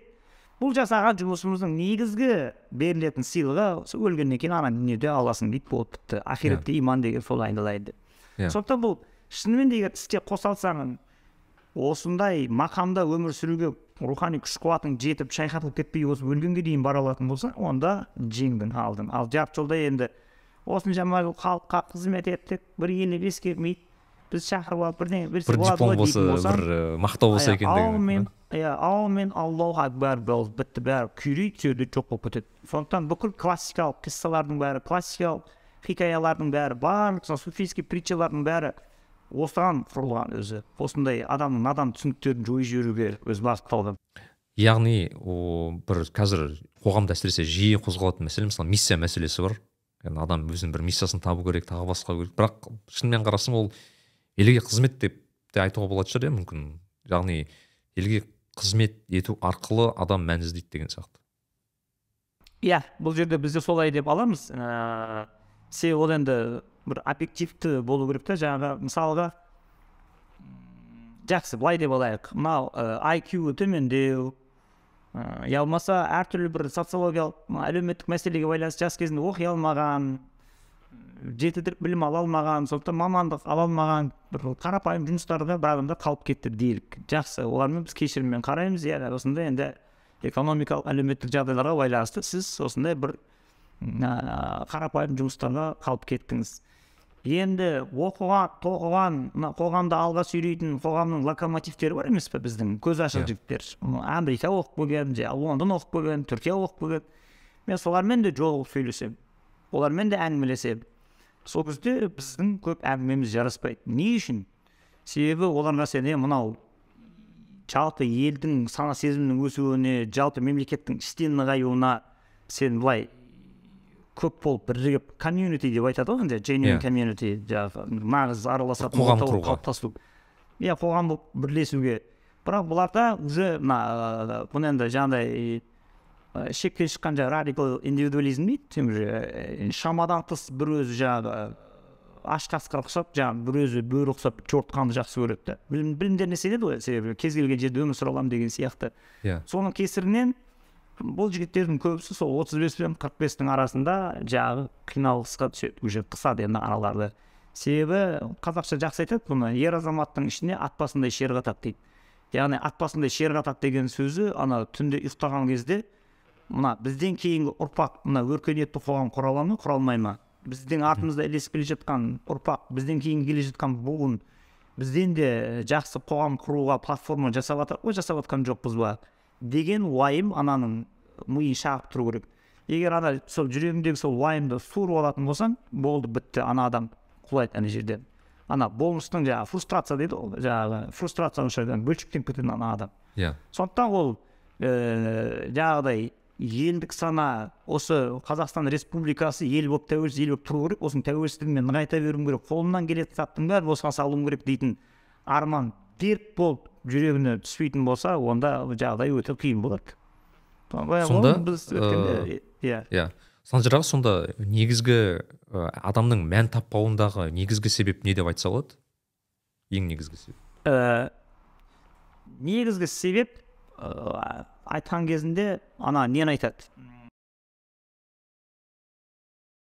Ә, шынды білмей ойласаң сен ең алдымен жанды біл ең керекті үш сұрақпен жан құлағын қойып ұрап келдім қайдан не істесем пайда өлгеннен соң не болам. Мен деген жан ақыл айнан жоғала ма сол үшін сонда мынау ең бірінші неден бастайды бұны десе мен скоптекті де оқып көрдім франклды да оқып көрдім мына суфилердің де несін оқып көрдім сонда бәрінің айтатынын айтады. Ең бірінші мына сен ақыл сана сезім бар емес conscious мына сознание дейсің ба майнд дейсің ба спирит дейсің ба жаңағы разум дейсің ба ақыл Иә. дейсің ба сана сезім ой сана не десең о де бір түсініксіз қай терминмен келсең де түсініксіз бір ііі сыртты танитын сана сезім тұр иә? Енді бұл дейді екі сатылы болады деп қояды бізде түсіндіріп жатыр экзистенциализмде. Ол не десе бірінші сен мына көзіңмен бүйтіп бес сезім мүшеңмен айналаңа қараған кезде объективті әлемді қабылдайсың ғой дейді бес сезім көзіңмен құлағыңмен мұрныңмен сипап сезіп тіліңмен дәмін сезіп тұрсың ғой дейді иә сыртта мынандай нәрсе бар мынандай нәрсе бар деп сен танып тұрсың дейді екіншісі осыны танып тұрған адам кім мен мен қалайша осылардың бәрін танып тұрмын деп өзіңнің ойыңды өзің тексере алатын тағы да бір қабілет бар дейді мысалға бір зат туралы ойлайсың дағыны сол бір нәрсе жайында ойлаған ойыңды тағы да андай рефлекшн дейді ғой соны рефлексия жасайды дағы шағылыстырып өзінің ойын өзі оқиды да ә жоқ мен дұрыс ойлап отырған жоқпын мына мына ойға редакция жасау керек мынаған сәл ректифай дейді ғой поправка жасап жіберейін деп өзінің ойына өзі редакция жасайды дейді сол өмірде мән таппай қалу мынау тұйыққа түсіп қалу неден болады деген кезде адамдардың бәрі сырттағы объектілерді қабылдап танып тұрады дейді мынау компьютер мынау жағы IT мынау жағы біздің жасап алгоритмдер деп а бұны жасап жатқан мен қалайша осындай қабілетке ие болдым? Бұл қалай өзінен өзі шықты деп өзінен өзі есеп алу деген нәрсе бар дейді өзін өзі мына ә, интенциональность деп айтады. Яғни интенциональность деген сыртқа қарай бағытталады. Intention яғни әр сана сезім бір объектіні танып ол сыртқа бағытталып тұр ғой дейді. Сол жаңағы intentionality дегеннің стрелканың сырттағы сыртта анау не анау не анау не анау не деп тұрған сыртқа қарай бағытталып тұрған сұрақ қойып тұрған стрелканың ішін майыстырып бұрасың да сол болмыстың Өзіне бұрасың субъекттің өзіне қарай өзіне қарай бұрып жібересің дейді. Сөйтіп тағына мен қалайша бұлардың бәрін танып оларды бір бірімен мәнді тұрғыдан үйістіріп біріктіріп мынандай бір іске қосып тұрмын. Бұл қабілет қайдан шықты деп сен ана жерден сол сұрақ қойылады дейді. Сосын барып а онда бұл тегіннен тегін берілмеген ғой. Мына қабілетті іске қосатын қосқан кезде мына бәрі бір бірімен мәніне байлайтын болсақ онда мына өмірдің де ситуациялар шашылып келіп жатыр ситуациялардың бәрі хаос болып келіп жатыр ғой күтпеген тұста. Неше түрлі сен ауру күтпейсің авария күтпейсің мысалға күтпеген тараптан бірдеңелер болып қалып жатады мысалы банкрот болып қаласың. Солардың бәрі хаос болып келіп жатыр ма? Жоқ әлде мен бұларды мәтік тұрғыдан бір біріне байлап байлап байлап бұдан бір ортақ бір нәрсе шығара аламын ба деп ойланады анау дейді. Иә енді бәленің бәрі қайдан шықты деген кезде осы сыртты тану деген сұмдық қой. Мен мысалы кеше неше түрлі интеллектуал балдарды көремін. Көремін да қайран қаламын. Библиотекада кәдімгі азан сағат сегізден жетіден кіріп алып обедте тамақ ішпей тек бір банан жеп алып библиотека жабылғанша он бірге дейін отыра беретін балдарды деп. Енді анау ходящий энциклопедия ана балдар. Иә қарашы өмірде мән таппайды деген. Сол баланың өзіне қатысты сен енді өзің не істеп жүрсің? Мына өзің есеп бер. Мына- мынандай мынандай мынандай ар ұятыңда сенің кемдік бар сенде бір ар алдында қоғам алдында құдай алдында арқалайтын жауапкершілік сезімі жетілмеген сен мына сезімдерді семіртуің керексің деп ар ұят деген әңгімені бастасаң ұят болады деп. Енді бұндай моральный императивтерді әр өзі субъективно тұтынбай ма? Зачем бұны айтып? Сен мен тәрбиелегің келіп тұр ма? деп осындай әңгіме сразу форматты ауыстырып жібереді. Себеп Иә. yeah. бұл әңгімеден қашады. Сондықтан енді ол қашқанда қай жаққа дейін барады дейсің ол ары кетсе қырық екі жасына шейін қашады содан кейін қырық бесінде торға түседі қашу себебі ол қорқа ма? Жауап беруге? Иә қорқады кәдімгідей мына жаңағы сана сезім өзіне қарап бағытталған кезінде ол жерде ең үлкен қойылатын сұрақ мен өлемін не үшін өлетінімді бала жастан біліп тұрмын деген сұрақ қойылу керек. Иә.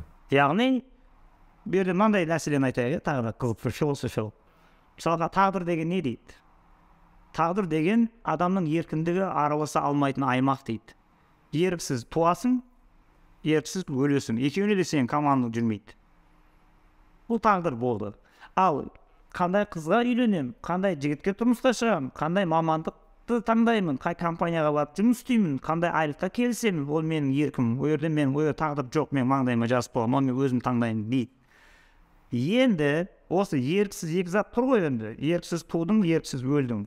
Бірақ бір нәзік айырмашылық бар осы жерде дейді. Бұл қандай айырмашылық десе еріксіз өлесің дұрыс дейді бір күн дейді. Бірақ қалай өлетініңді таңдауға бір еркіндік берілген дейді. Бүкіл өмірдің сыры бүкіл өмірдің құпиясы осы жерде жатыр дейді. Иә. Қалай өлу керек екенін таңда енді дейді. Ақ төсекте жатып жаңағыдай кәлимаңды айтып мұсылман болып өлесің ба жоқ әлде секуляристер сияқты қыдырып қыдырып дүние шайқап шайқап содан кейін шаруаң біткен кезде эвтаназия ішіп ал енді ұлымсып масқара болып отырасың ба сүйектерім бәрі сықырлайды қарттық маған ауыр келді скоро дәрі ішіп өлемін деп ол ол мысалы ең позорный смерть деп есептеледі а сіз айтпақшы анау өлім өлім өнері ғой ол да иә иә иә иә сондықтан жаңағы сана сезім сыртты алып тұр ғой жаңағы мынау алгоритм мынау жаңағы мынандай зат мынау компьютер мынау сотка мынау айфон деп тағып тұр ғой бәрін енді иә соны тағып тұрған таңғышын өзіне қаратып сен бір күні өлесің ғой енді осы осы таным процесінің бәрі тоқтайды ғой бір күні енді сонда бұның енді логикалық түйіні немен біту керек енді осы таным нені тану керек өзі дегенге келеді қалай өлеміз енді деген сол кезде бұл мәселелер басқаша болып егер осы сұраққа ұзақ ойланып кәдімгідей бір жаңағыдай ыыы контемплейшн дейді ғой созерцание. Өзіне өзі үңіліп тоқтатып сәл бір ана ырду ортасынан сәл шегініп біраз уақыт жаңағыдай ыыы оңаша отырып осы сұрақтарды өзіне қойып біраз шайқайтын болса көңілдің түбінде тұнып жатқан осы сұрақтың жауаптары өзі бетіне қалқып шығады. Енді оны иә. ііі жаңағыдай феноменологический осадок деп айтады феноменологиялық тұнба деп. Яғни адамның өзінің көңіліндегі өстіп бүйтіп жаңағы алай дүлей болып айналып жатқан жаңағы сұрақтардың жауабы біраз уақыт іссіз қимылсыз ешқандай жаңағы ырду дырдуға араласпай қалған кезде ана сананың бетіне ана қалып шығады бетіне. А бұл сұрақтың жауабын мен өзім де біледі екенмін ғой қой өмірімді реттемесем болмас. Абыроймен дұрыстап ыыы салтанатты нотада мына тіршілікті тастап шығып кететін мен бір күштеп победоносный сондай өлім түрін таңдап алайын деп оған қарай кетіп ал ол ол иә. абыройлы өлем деп соған бекіндің ба? Міндетті түрде сен национальный геройға айнала бастайсың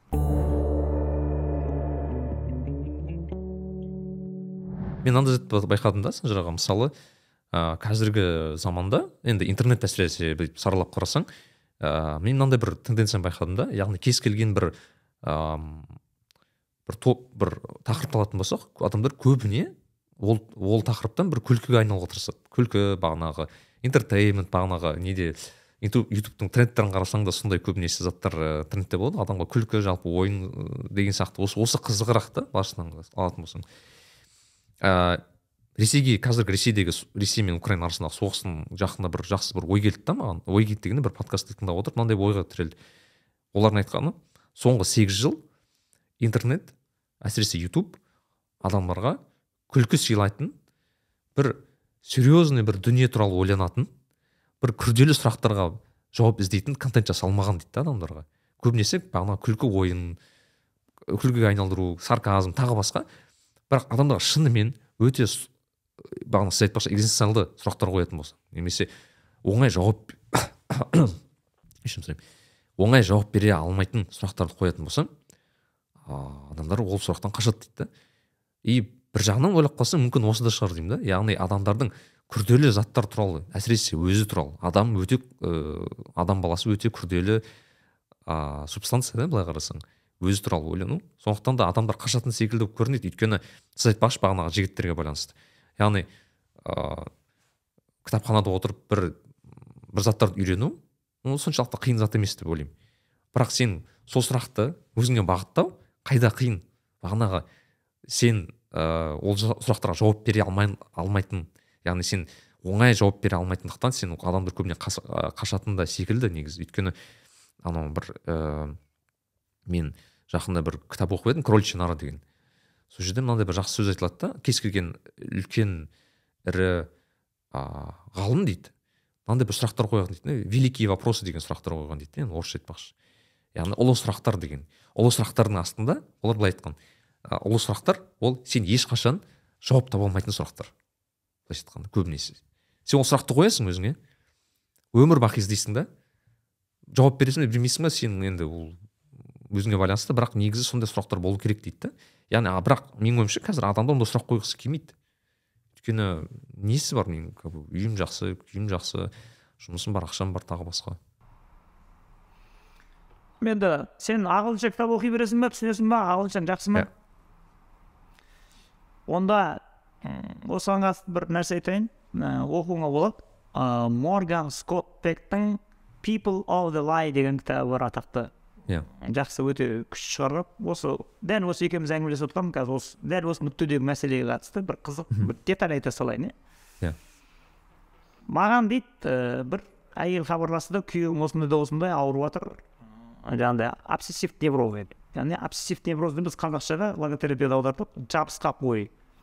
Миыңа санаңа жабысып алады шықпайды миыңды бұрғылайды бір ой. Құтылайын десең құтыла алмайсың. Сол жап жақсы жаңағы отыз бестерге келіп қалған үш баланың әкесі қырықтарға тақап қалған. Былай қарағанда болды. Мен кіммін?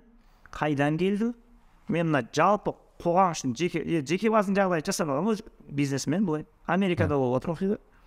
Ә, енді мынау қоғамның рухани жаңағы хаос басып кетпеу үшін деп айтады. яғни қоғамда хаос және зұлымдық басып кетпеу үшін зұлымдықты тежеп тұра алатын мен не істеймін деген сұрақтарды қоймайды ол бала. Ол жаңағы мүмкіндігінше бизнесін жаңағы оборотын күшейте берумен айналысады. Сол кездейсоқ бір жаңағы шіркеуден атам заманда кетіп қалған секулярист қой енді. Соны бір кездейсоқ бір шаруамен барып қалған кезінде сол жерде оған жаңағы жабысқа жабысады сен елу бес жасыңда өлесің дайындал бала деген.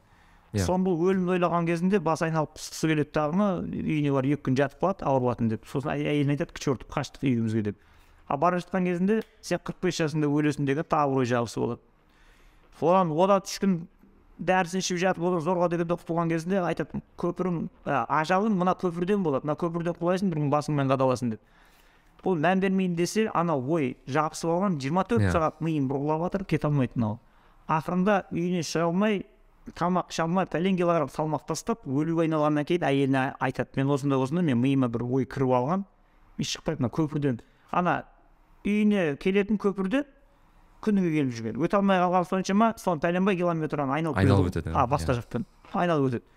Содан ақырында мынаған келеді ғой сосын бұл айтады кел енді а мына обсессивный иә ол обсессивный ас, не асқынған кезде ол компульсивный дейді компалшн яғни сені уже принуждать етеді. Сен істейсің енді сол ана көпірді айналып өт десе айналып өтесің сен былайша айтқанда сен бұл ойымда тұрған нәрсе ғой далбасаң өте беремін деп өте алмай қаласың ана жерден. Сол тұрады да қалады сол жерде содан бұл өлуге айналады мына жақта бизнесі күйрек болып кетеді клиенттер мына жақтан шағым айтып өліп бара жатыр сапа құрды сапа құрды деп. Содан мынау мына сүмірейіп келмей ма мынаған? Сол екеуі жұмыс істеген кезінде сол қалай ұстайды ананың жаңағы обсессивный жаңағы компульсивный невроз неден басталды? Мына бәлесі деген кезде адамды өлім тақырыбымен ұстайды. Өлім тақырыбын қорықпай талқылай аласың ба талқылай алмайсың ба? Сенің қаһармандығың батырлығың абыроймен өлуің сол темада ұсталасың сен. Сондықтан өлім деген нәрсе ол мынандай нәрсе өлім тақырып сол виктор франклтың айтатыны ғой ей өмірдің мәні деген нәрсе yeah. ашылу үшін оның артында фонда өлім тұру керек. Сен күтпеген жерден қазақша не дейді оны? Қарсы жерде қазына бар қарсы жерде қаза да бар деп айтады. Қарашы қандай yeah. әдемі айтқан қауіп тау сыртында емес ту сыртында дейді. Ажал дейді ақылды үшін біреу дейді ақымақ үшін алтау деп айтады әдемі мақалдармен берген осының бәрін.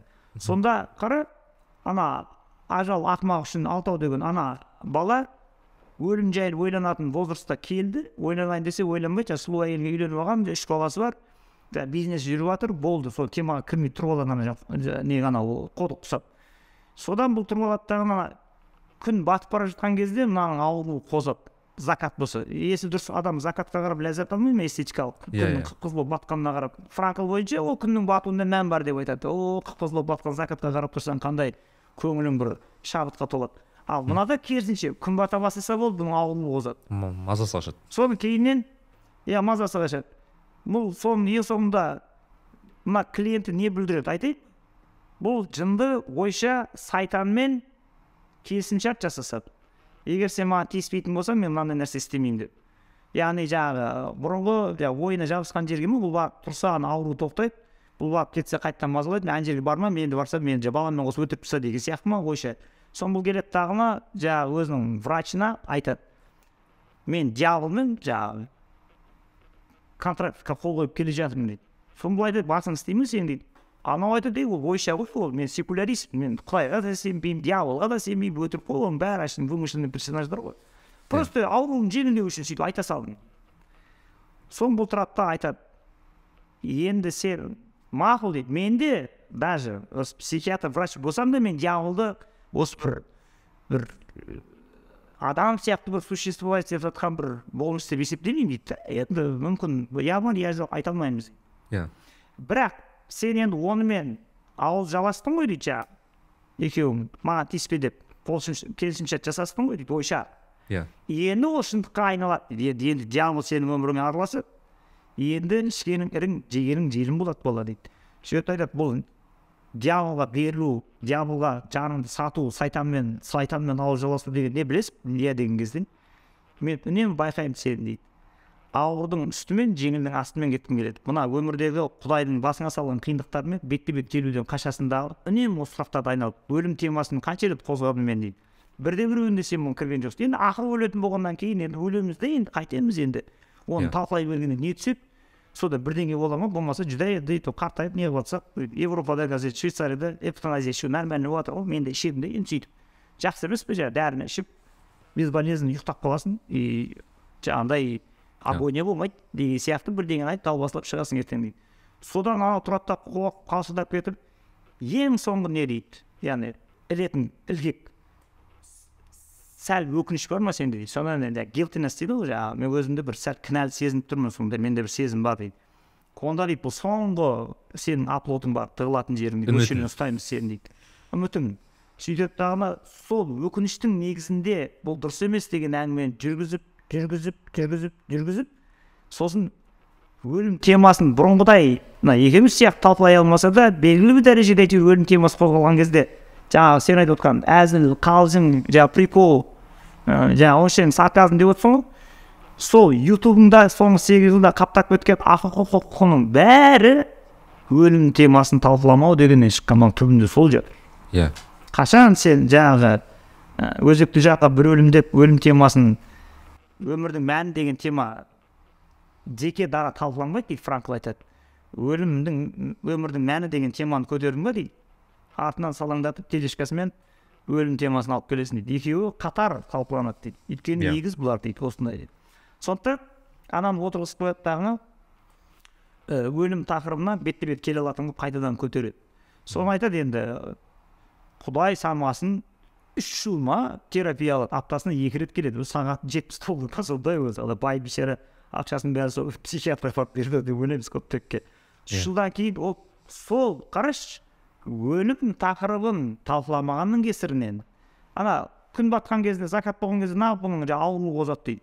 Себебі жалпы символика бойынша күннің батуы өлімді мен есептеледі. Яғни Иә, күннің иә. батты дейді ғой. Оның Иә, күні иә. батқан ол дейді ол. Бітті оның жаңағы закат европы деген сияқты.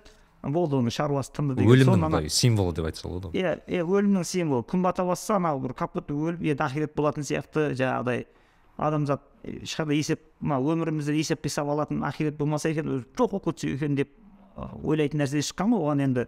Ибн араби күледі ғой басың істейме сенің өзің жоқтан бас шықпайды дейді да бар нәрсе жоғалмайды дейді. Сондықтан сен әуелден бар едің жаңағы абсолюттік болмыстан келдің тағы да бар боласың сен. Есеп қисап міндетті түрде болады дейді ғой сол сияқты.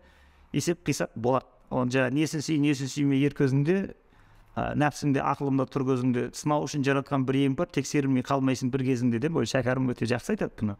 Сондықтан ана пациентін ең соңында емдеп енді оны толық қаһарман жағдайына келтіре алмадым дейді ананы. Ал қорқақ қой ана бейшара иә. Енді үш жыл соны сүйреп сүйреп жаңағы ажырасайын деп тұрған жерінен жаңағы глория деген алтын қасықтай келіншегі бар еді дейді. Онымен семьясын реттедік дейді. Иә сосын жаңағы алтын асықтай үш ұлы бар еді дейді ол үш ұлын олармен төбелес басталып кеткен семьясының ішінде фрустрация деген сол ғой бөлшек бөлшек бөлшек бөлшек жаңағы анау ұрысқан кезінде балдарын өзінің тарапына тартады жаңағы шешесін айдап салу үшін шешесін мына айдап салу үшін деген сияқты сол бөлшектеніп кеткен дейді қарашы сол семьяның шайқалуы соның жаңағы обсессивный одан компульсивныйға өтуінің ең түбінде не жатыр ананың десе скоптек айтады «Е, өлім темасы дейді болды соны талқыламайды дейді қашып кете Иә. береді бәрі дейді. Сөйтіп врачқа келіп ақшасын беріп үш жыл сонымен жүремін мен сосын дейді сонымен емес алфамдап дейді. Сондықтан иә. Ана біздің қиссаларды ана қиссасул әмбия шығарған кездегі негізгі мақсатымыз да сол яғни соның ішіндегі пайғамбарлардың өліммен қалай бетпе бет келетіні мұса пайғамбардың нұх пайғамбардың ана кемелерін соғып ату бәрі символикамен әдемі берілген. Соны кішкентай кезінен бала жастан сіңіріп алса онда бұндай мәселе болмайды.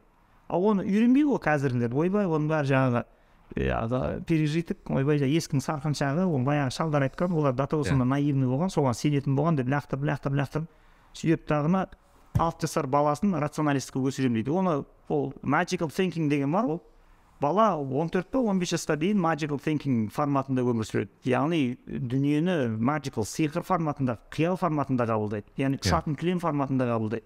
Алты жасар балаға не істейміз енді? Илон маскты үйретеміз ғой. Иә кішкене илон маскқа не тренироваться ал ішінде марсқа көшемін деп ойлайтындар. Санжар аға неге өлім темасы соншалық көп адамға бір талқылағысы келмейтін бір тақырыптардың бірі? Мен өзім соны көбіне ыыы бір жастардың арасынан емес бірақ көбіне бір елуге тамап қалған кісілерден байқаймын. Өзім сондай бір наблюдение деймін ба? Ыыы өйткені ол кісілермен әсіресе сөйлессем өлім темасына келген кезде олар көбінесе жаман зат айтпашы бағанағы жақсы жақсы тақырыптарды қозғайықшы тағы басқа деген сияқты. Осындай бір қозғаулар кетіп қалады да. Ал мысалы менің ыыы жақында мысалы бір жыл бұрын ыыы апам қайтыс болды. Ол кісі сексен жеті жасында қайтыс болды есімде болса. Ол кісіге керісінше ол өте нормальный зат болатын да өлімді ә, не істеу талқылау. Айтатын е мен де бір төмпешік боламын мен де бір өмірге кетемін ыыы былайша айтқанда өте спокойно қабылдады да ол кісілер. Бірақ одан кейінгі мысалы бір ұрпақ десем ол кісілерге өте қатты қиын бір тақырып сияқты болып көрінді маған жеке сіз қалай ойлайсыз?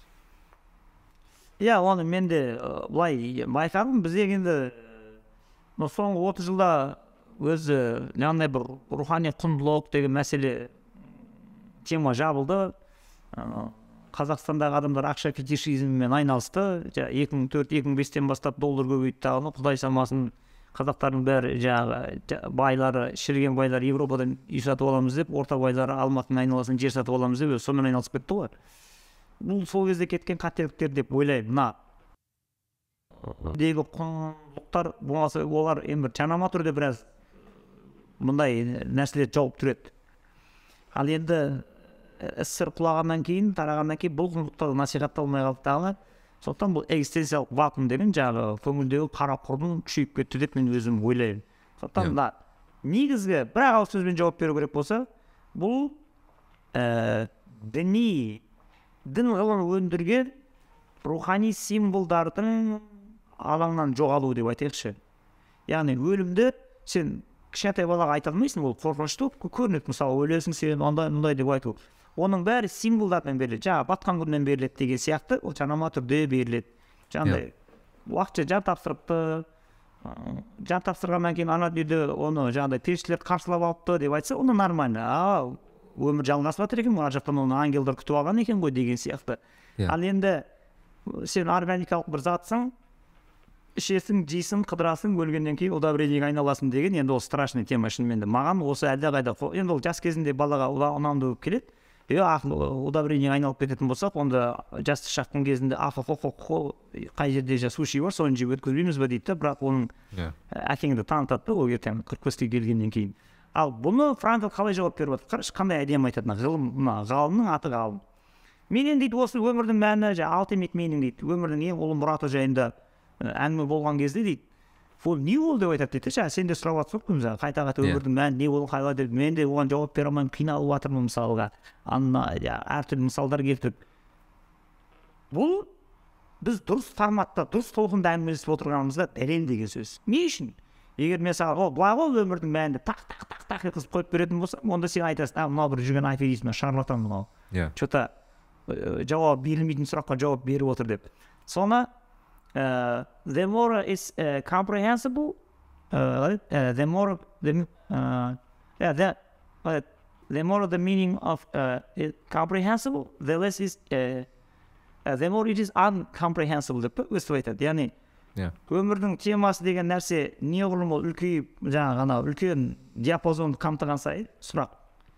И ол соған жауап беру де соғұрлым мүмкін емес болып кетеді дейді да иә. Тема өмірдің мұраты деген тема биікте мен планканы көтерген сайын ол соғұрлым түсініксіз болып кетеді. Сөйтіп тағы айтады енді бәрі түсініксіз болып кетті. Енді не істейміз енді?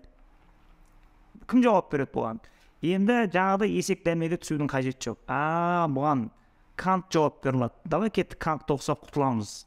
Болмаса а бұған хайдегер жауап береді. Ол хайдегер ана бытие времясын оқып алсақ вот соның ішінде жауап бар. Оған да бара алмайсың дейді. Не үшін десе франкл айтады е ол қызық дейді да мынау адамның ақылының ә, жаңағы ә, границасы деген болады дейді да. Оны кант айтып отыр мына. Иә. Ақыл ойлап ойлап ойланып келеді да бір неге тіреледі. Тірелген кезінде ақыл өзінің границасына шекарасына тірелгенін қайдан білесің деген кезде ол мен өзім түк білмейтінімді ғана білдім деп айтады дейді. Яғни ақылдың ең атқаратын биік функциясы мына субъектіге өзінің ақылын өзі айту керек. Сен түк білмейсің. Қойсай болды ғой деп айту керек ана жерден. Яғни сен де шектеулісің деп айту керек қой өзін айта білу керек иә иә. ал надан екенін қалай адамның надан жахил екенін қалай білесің десе мен бәрін білемін деп сөйлейді. Мен бәрін білемін мен бәрін жауабын білемін десе айтады а мынау мынау опасный тип мынау мынау мынау құртады ертең дейді. Ал жаңағы сократтардың я знаю я ничего не знаю деп жүргендері сол аналардың өте жақсы айтып отыр. Енді бір сұрақ жақсы біздің ақылымыз барды да шекараға тірелді сөйтті да бізге қарай айтты делік е нәрікби ей санжар керімбай сендердің ақылдарың жетпейді миллион жерден оқи беріңдер бұл сұрақтың жауабы жоқ сендерге десе біз депрессияға түсіп кетеміз ғой өлә Иә. сұрақтың жауабы табылмады деп соны франкл айтады қарашы мынандай жауап береді қорықпаңдар дейді арғы жағы шекараның арғы бетіне қатысты әркімнің өзінің ата бабасы ұстанған дінде мынадан символдар толып жатыр дейді. Сендер оларды старомодный деп мусорға лақтырмаңдар дейді. Керісінше бәрін кері қарай алып алыңдар дейді. Иә. олардың бәрі символдармен үйретіледі дейді. Сондықтан жаңағы байқаймын ағаларым қырық беске келген кезде қырыққа келген ағаларым өлім те- темасынан шошиды деп отқаны көкіректерінде символика жоқ. Мына символмен оқитын ишарамен берілетін нәрселер түсінбейді мысалға. Иә. соның кесірінен болып жатыр соны біз балаларға жаңағы арнап кітап жазған кезде ойбайлап айта беретін себебіміз сол е кішкентай кезінде символдарды үйретіп тастады жаңа сен сексен жетіге келіп қайтыс болып бір әжем деп отырғаның ол әжең кішкентай кезінде ертекке мүйізін тойып алған ғой ол символмен көреді дүниені ол символмен есептейді барлық нәрсені ишара ретінде қабылдайды сондықтан оған өлім деген де бір бір күйден бір күйге ауысатын бір процесс бір кетіп бара жатқан бітпейтін бір процесстің жаңағы тауықтың жұмыртқа болып бір туылып сосын жұмыртқаның жиырма күн басып оның ішінен тауық балапан болып туылған сияқты процесс ретінде қабылдап отыра береді. Және олардың өлімге дайындығы практикалық тұрғыда әдемі дайындалады. Олар не істейді Иә. кемпірлер апаң сандығына білезікті жинайды. Сосын бір отыз елу метр матаны жинайды. Сөйтеді дағы өлімін олар сезеді. Алдын ала сөйтіп айтады ай биылдан қалмаймын ау дейді. Сосын ана кемпір сампырлардың бәрін жинап алады да ей мен өлгенде бүйтіп жоқтайсың мен өлгенде бүйтіп жоқтайсың деп кейбіреулеріне өзі жоқтау жазып береді. Иә. сосын мына білезікті пәленшеге тағасың мына сырғаны түгенбайға мына киімді ана пәлен абысыныма ішіндегі өзінің ерекше жақсы көретіндері жаңағы күн үстіне соғылғандарын дайындайды. Сөйтіп бәрін алдын ала көрсетеді олар. Бұл енді мына профессионал лайф деп осыны айтады. Иә. Көрдің ба өмірді профессионал деңгейде сүру деп осы. Ал мына біздің енді секулярист жігіттердің жаңағы европада бүйтіп ахохохохо деп жүргендер оны айтатын любитель бұлар еді жаңағы. Біреулердің ка- иә иә дауысы жоқ балалардың караокеге барып ә деп жаңағыдай ә, страшный нотамен өлең айтқан сияқты көрінеді. Иә.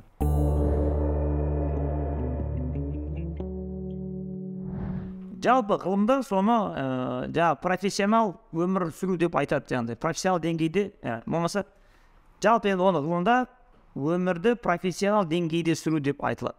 Яғни мен не үшін қартайып жатырмын мен не үшін ауруым көбейіп кетті мен не үшін өлімге қарай біржола бет бұрдым деген сұрақтармен қорықпай бетпе бет келу сондықтан жаңағы біздің сіздің сексен жетіге келіп өлімді қабылдап ал енді дайындалыңдар мына білезік таратасыңдар мына киім таратасыңдар деп отыру негізі солар ал енді мынау өлетінімен ісі жоқ болып ақылға құқығымен жүргендерді енді оларды әуесқой деп айтады да енді иә оны жаңа салыстырып айттым иә жаңағы суық жоқ болмаса суық майды таптап кеткен адамдардың страшный нотамен былай караокеде өлең айтып отырса қалай нервіңе тиеді мысалы кафеде сол сияқты ғой иә санжар аға мен кішкене мына сұрақты ашып айтқым сұрағым келген еді сізден. Виктор франклдың жалпы оқыған оқу барысында кітабын мен мынандай затты байқадым ол кісі айтады да. Ә, шіркеуге байланысты яғни адамдардың бұрынғы шіркеуге жалпы құдайға сену ә, бір құдайға сенуі қайда жоғары еді дейді ал мысалы ә, осы жиырмасыншы ғасырдан кейін адамдардың былайша айтқанда уже бағана индивидуализм дейміз секуляризм дейміз басқа дейміз. Былайша айтқанда құдайды ә, шетке шығарып өздерінің ортасына қою дейді яғни оларды басты объект ретінде өздерінің басты ә, объект ретінде қояды дейді да сонда менде сұрақ мынандай болады да. Яғни адам бұл жерде бір тәңірді құдайды бір былай айтпақшы богоцентризм дейді ғой эгоцентризм бар. Және богоцентризм деп айтады да кейбір кісілер оны. Яғни сен құдайды ортасына қою қоймасаң менде сондай бір түсінік пайда болды сен өмірдің мәнін табумен қиналасың. Өйткені расымен сен бір ыыы тымсыл былайша айтқанда сен жаратушымен бір арасындағы бір ыыы байланыс болмайтын себебінен шығар. Сонда құдай құдайға сенбейтін адамдарды айтайықшы. Мысалы айтайық өздерін атеист санайтын немесе аг- агностик санайтын кісілер сонда мәнді табу мүмкін емес бола ма сонда әлде қалай?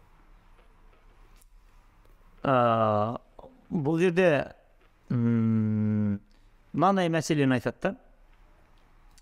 Мақұл сен дейді мына құдай темасына кірмей ақ қояйық мақұл ол саған жақпайды сен секулярист екенсің дейді да.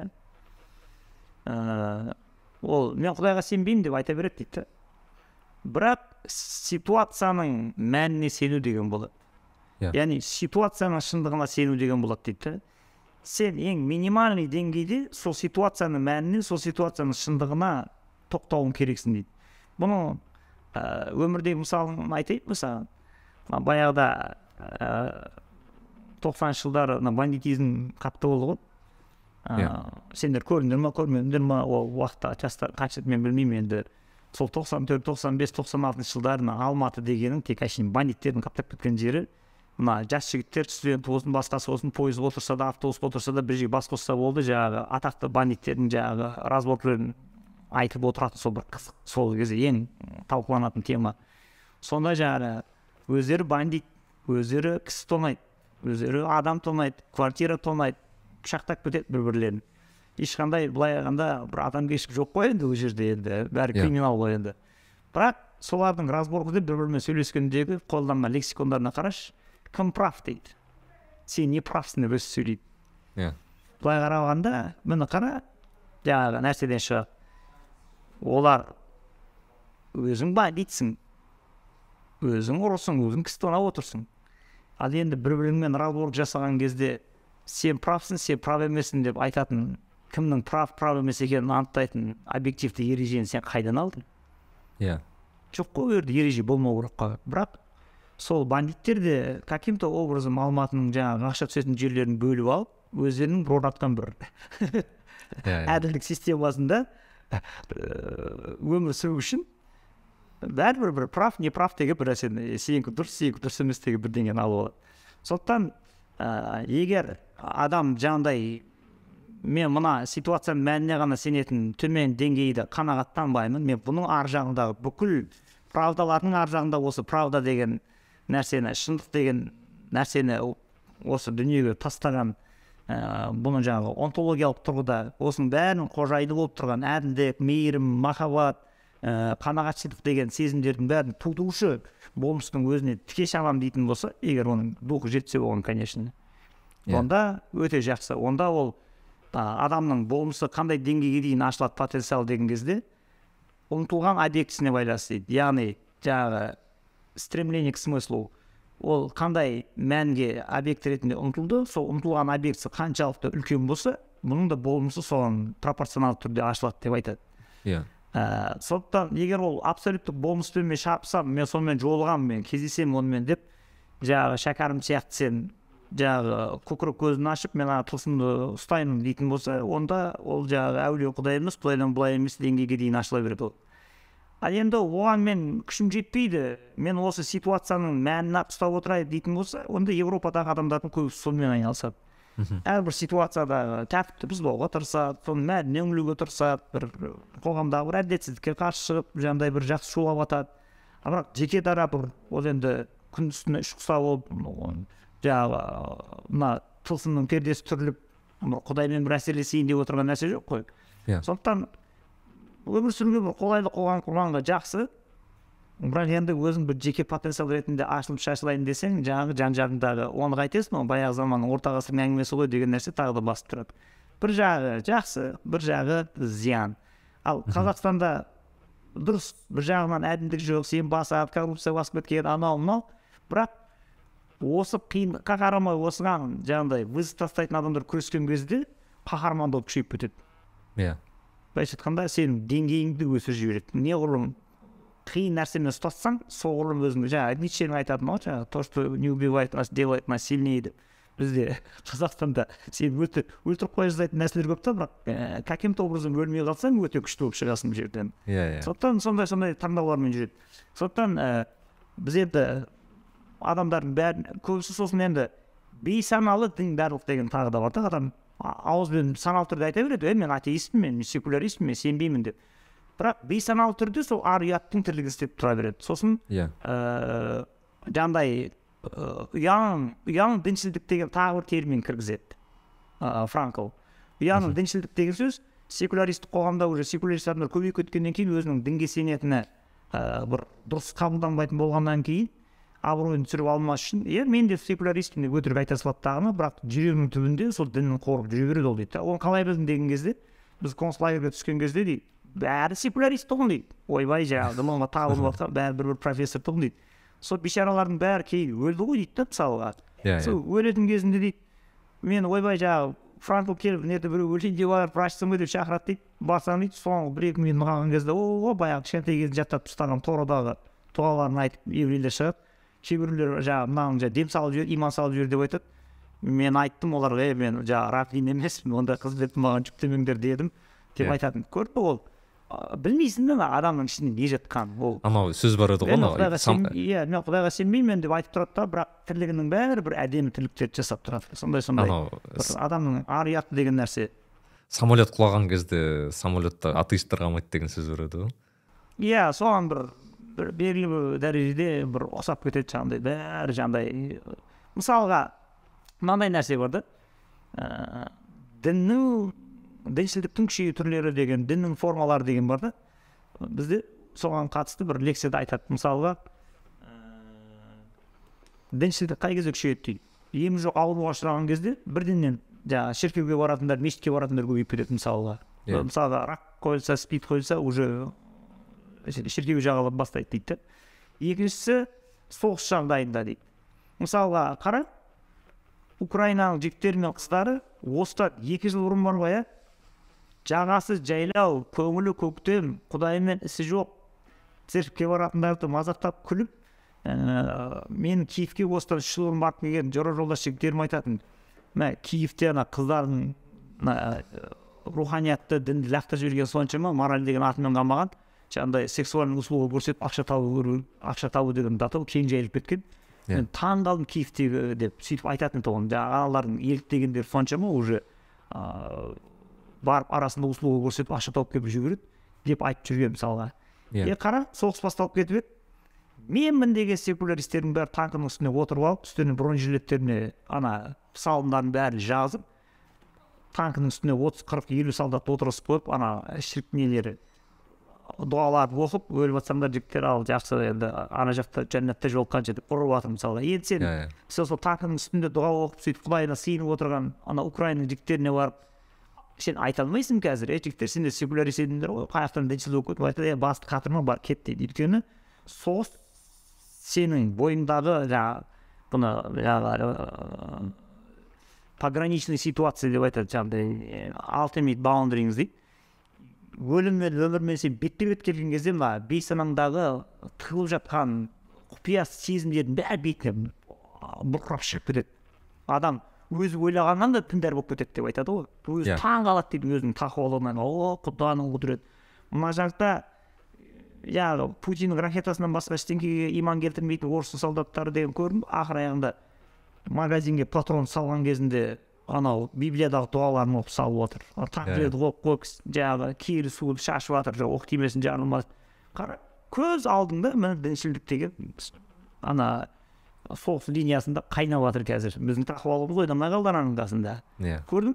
Сол сияқты ә, оның ішіндегі ең өркениетті а тағы бір түрі бар енді maintenance religiousness деген бар. Ол мынау ата бабам осындай дәстүрді ұстанған дұрыс па бұрыс па оған қатысты мен басымды қатырмаймын. Ата бабамнан қалған дінді кейінгі ұрпаққа мен беремін шаруам жоқ деп отыра беретіндер бар. Қатып қалады ол бізде көбісінен мына қазақстанда маңғыстау жақта сондай аха. дәстүрлі ұстам болады дағыны. Бірақ оған сұрақтар қойылмайды оның жаман жері. Оның оның бір әлсіз жері екі ұрпақ ауысқаннан кейін ол дәстүр өліп қалуы мүмкін. Енді Иә. сұрақ қойылмағаннан кейін сұрақтың не үшін жасап жатқанын да білмейді ғой иә. иә не үшін жасап жатқаны түсініксіз болғаннан кейін мәнсіз деп лақтырып жібереді дейді. Ал мына екеуміз талқылап отқан діндарлықты бұны ыбырайым пайғамбардың діндарлығы дейді. Өйткені ыбырайым пайғамбар мына дүние қалай жаратылды мына күн шығады мына ай шығады анау неге бұлай мына жел тұрады мына су тасиды анау қайдан шықты? Сұрақ рационалды сұрақтарды қоя берген қоя берген қоя берген қоя берген ақырында соның ізіне түсіп кете беріп кете беріп кете беріп сосын бір күні құдай енді мынаның ізденісі тым қатты болып кетті мен бұған уахи берейін деді да мә саған деп уахи берді деп айтады. Сондықтан екеуміз де егер осындай сұрақты қойып өле өлгенше іздене берсек іздене берсек іздене берсек ә, табанымыз таймай онда тәкір тағала бір күні «Е, мына нәрікби осыншама Иә. өмірін осы сұрақтарды табуға арнады енді мен енді бұны тұншықтыра бермей бір көкірегіне бір сәуле салып қой деп ғайыптан бір сәуле салып жіберсе кітап оқып түсіне алмайтын заттар өзінен өзі түсінікті болып кетеді. Мхм. сондықтан кейбір сұрақтардың жауабы табылған кезде біз оны мықтылығымызбен ақылымыздың күштілігімен таптық деп айтпаймыз. Оны бізге құдай нәсіп қылды деп айтады. Иә. Илхам деп айтады. Иә иә. Адамдарға анау кімдерге пайғамбарларға уахи адамдарға илхам келеді дейді ғой яғни адамнан кәдімгі адамдарға. Иә әулиелер илхам алады пайғамбарлар жаңағы уахи алады. Ыыы қарапайым момындарға жаңағыдай түсінде жәрдем келеді жаңағыдай ишаралар келеді деп сөйтіп сөйтіп енді шариғатта өзі бөледі енді ол, ол теманы мен терең білмеймін шыны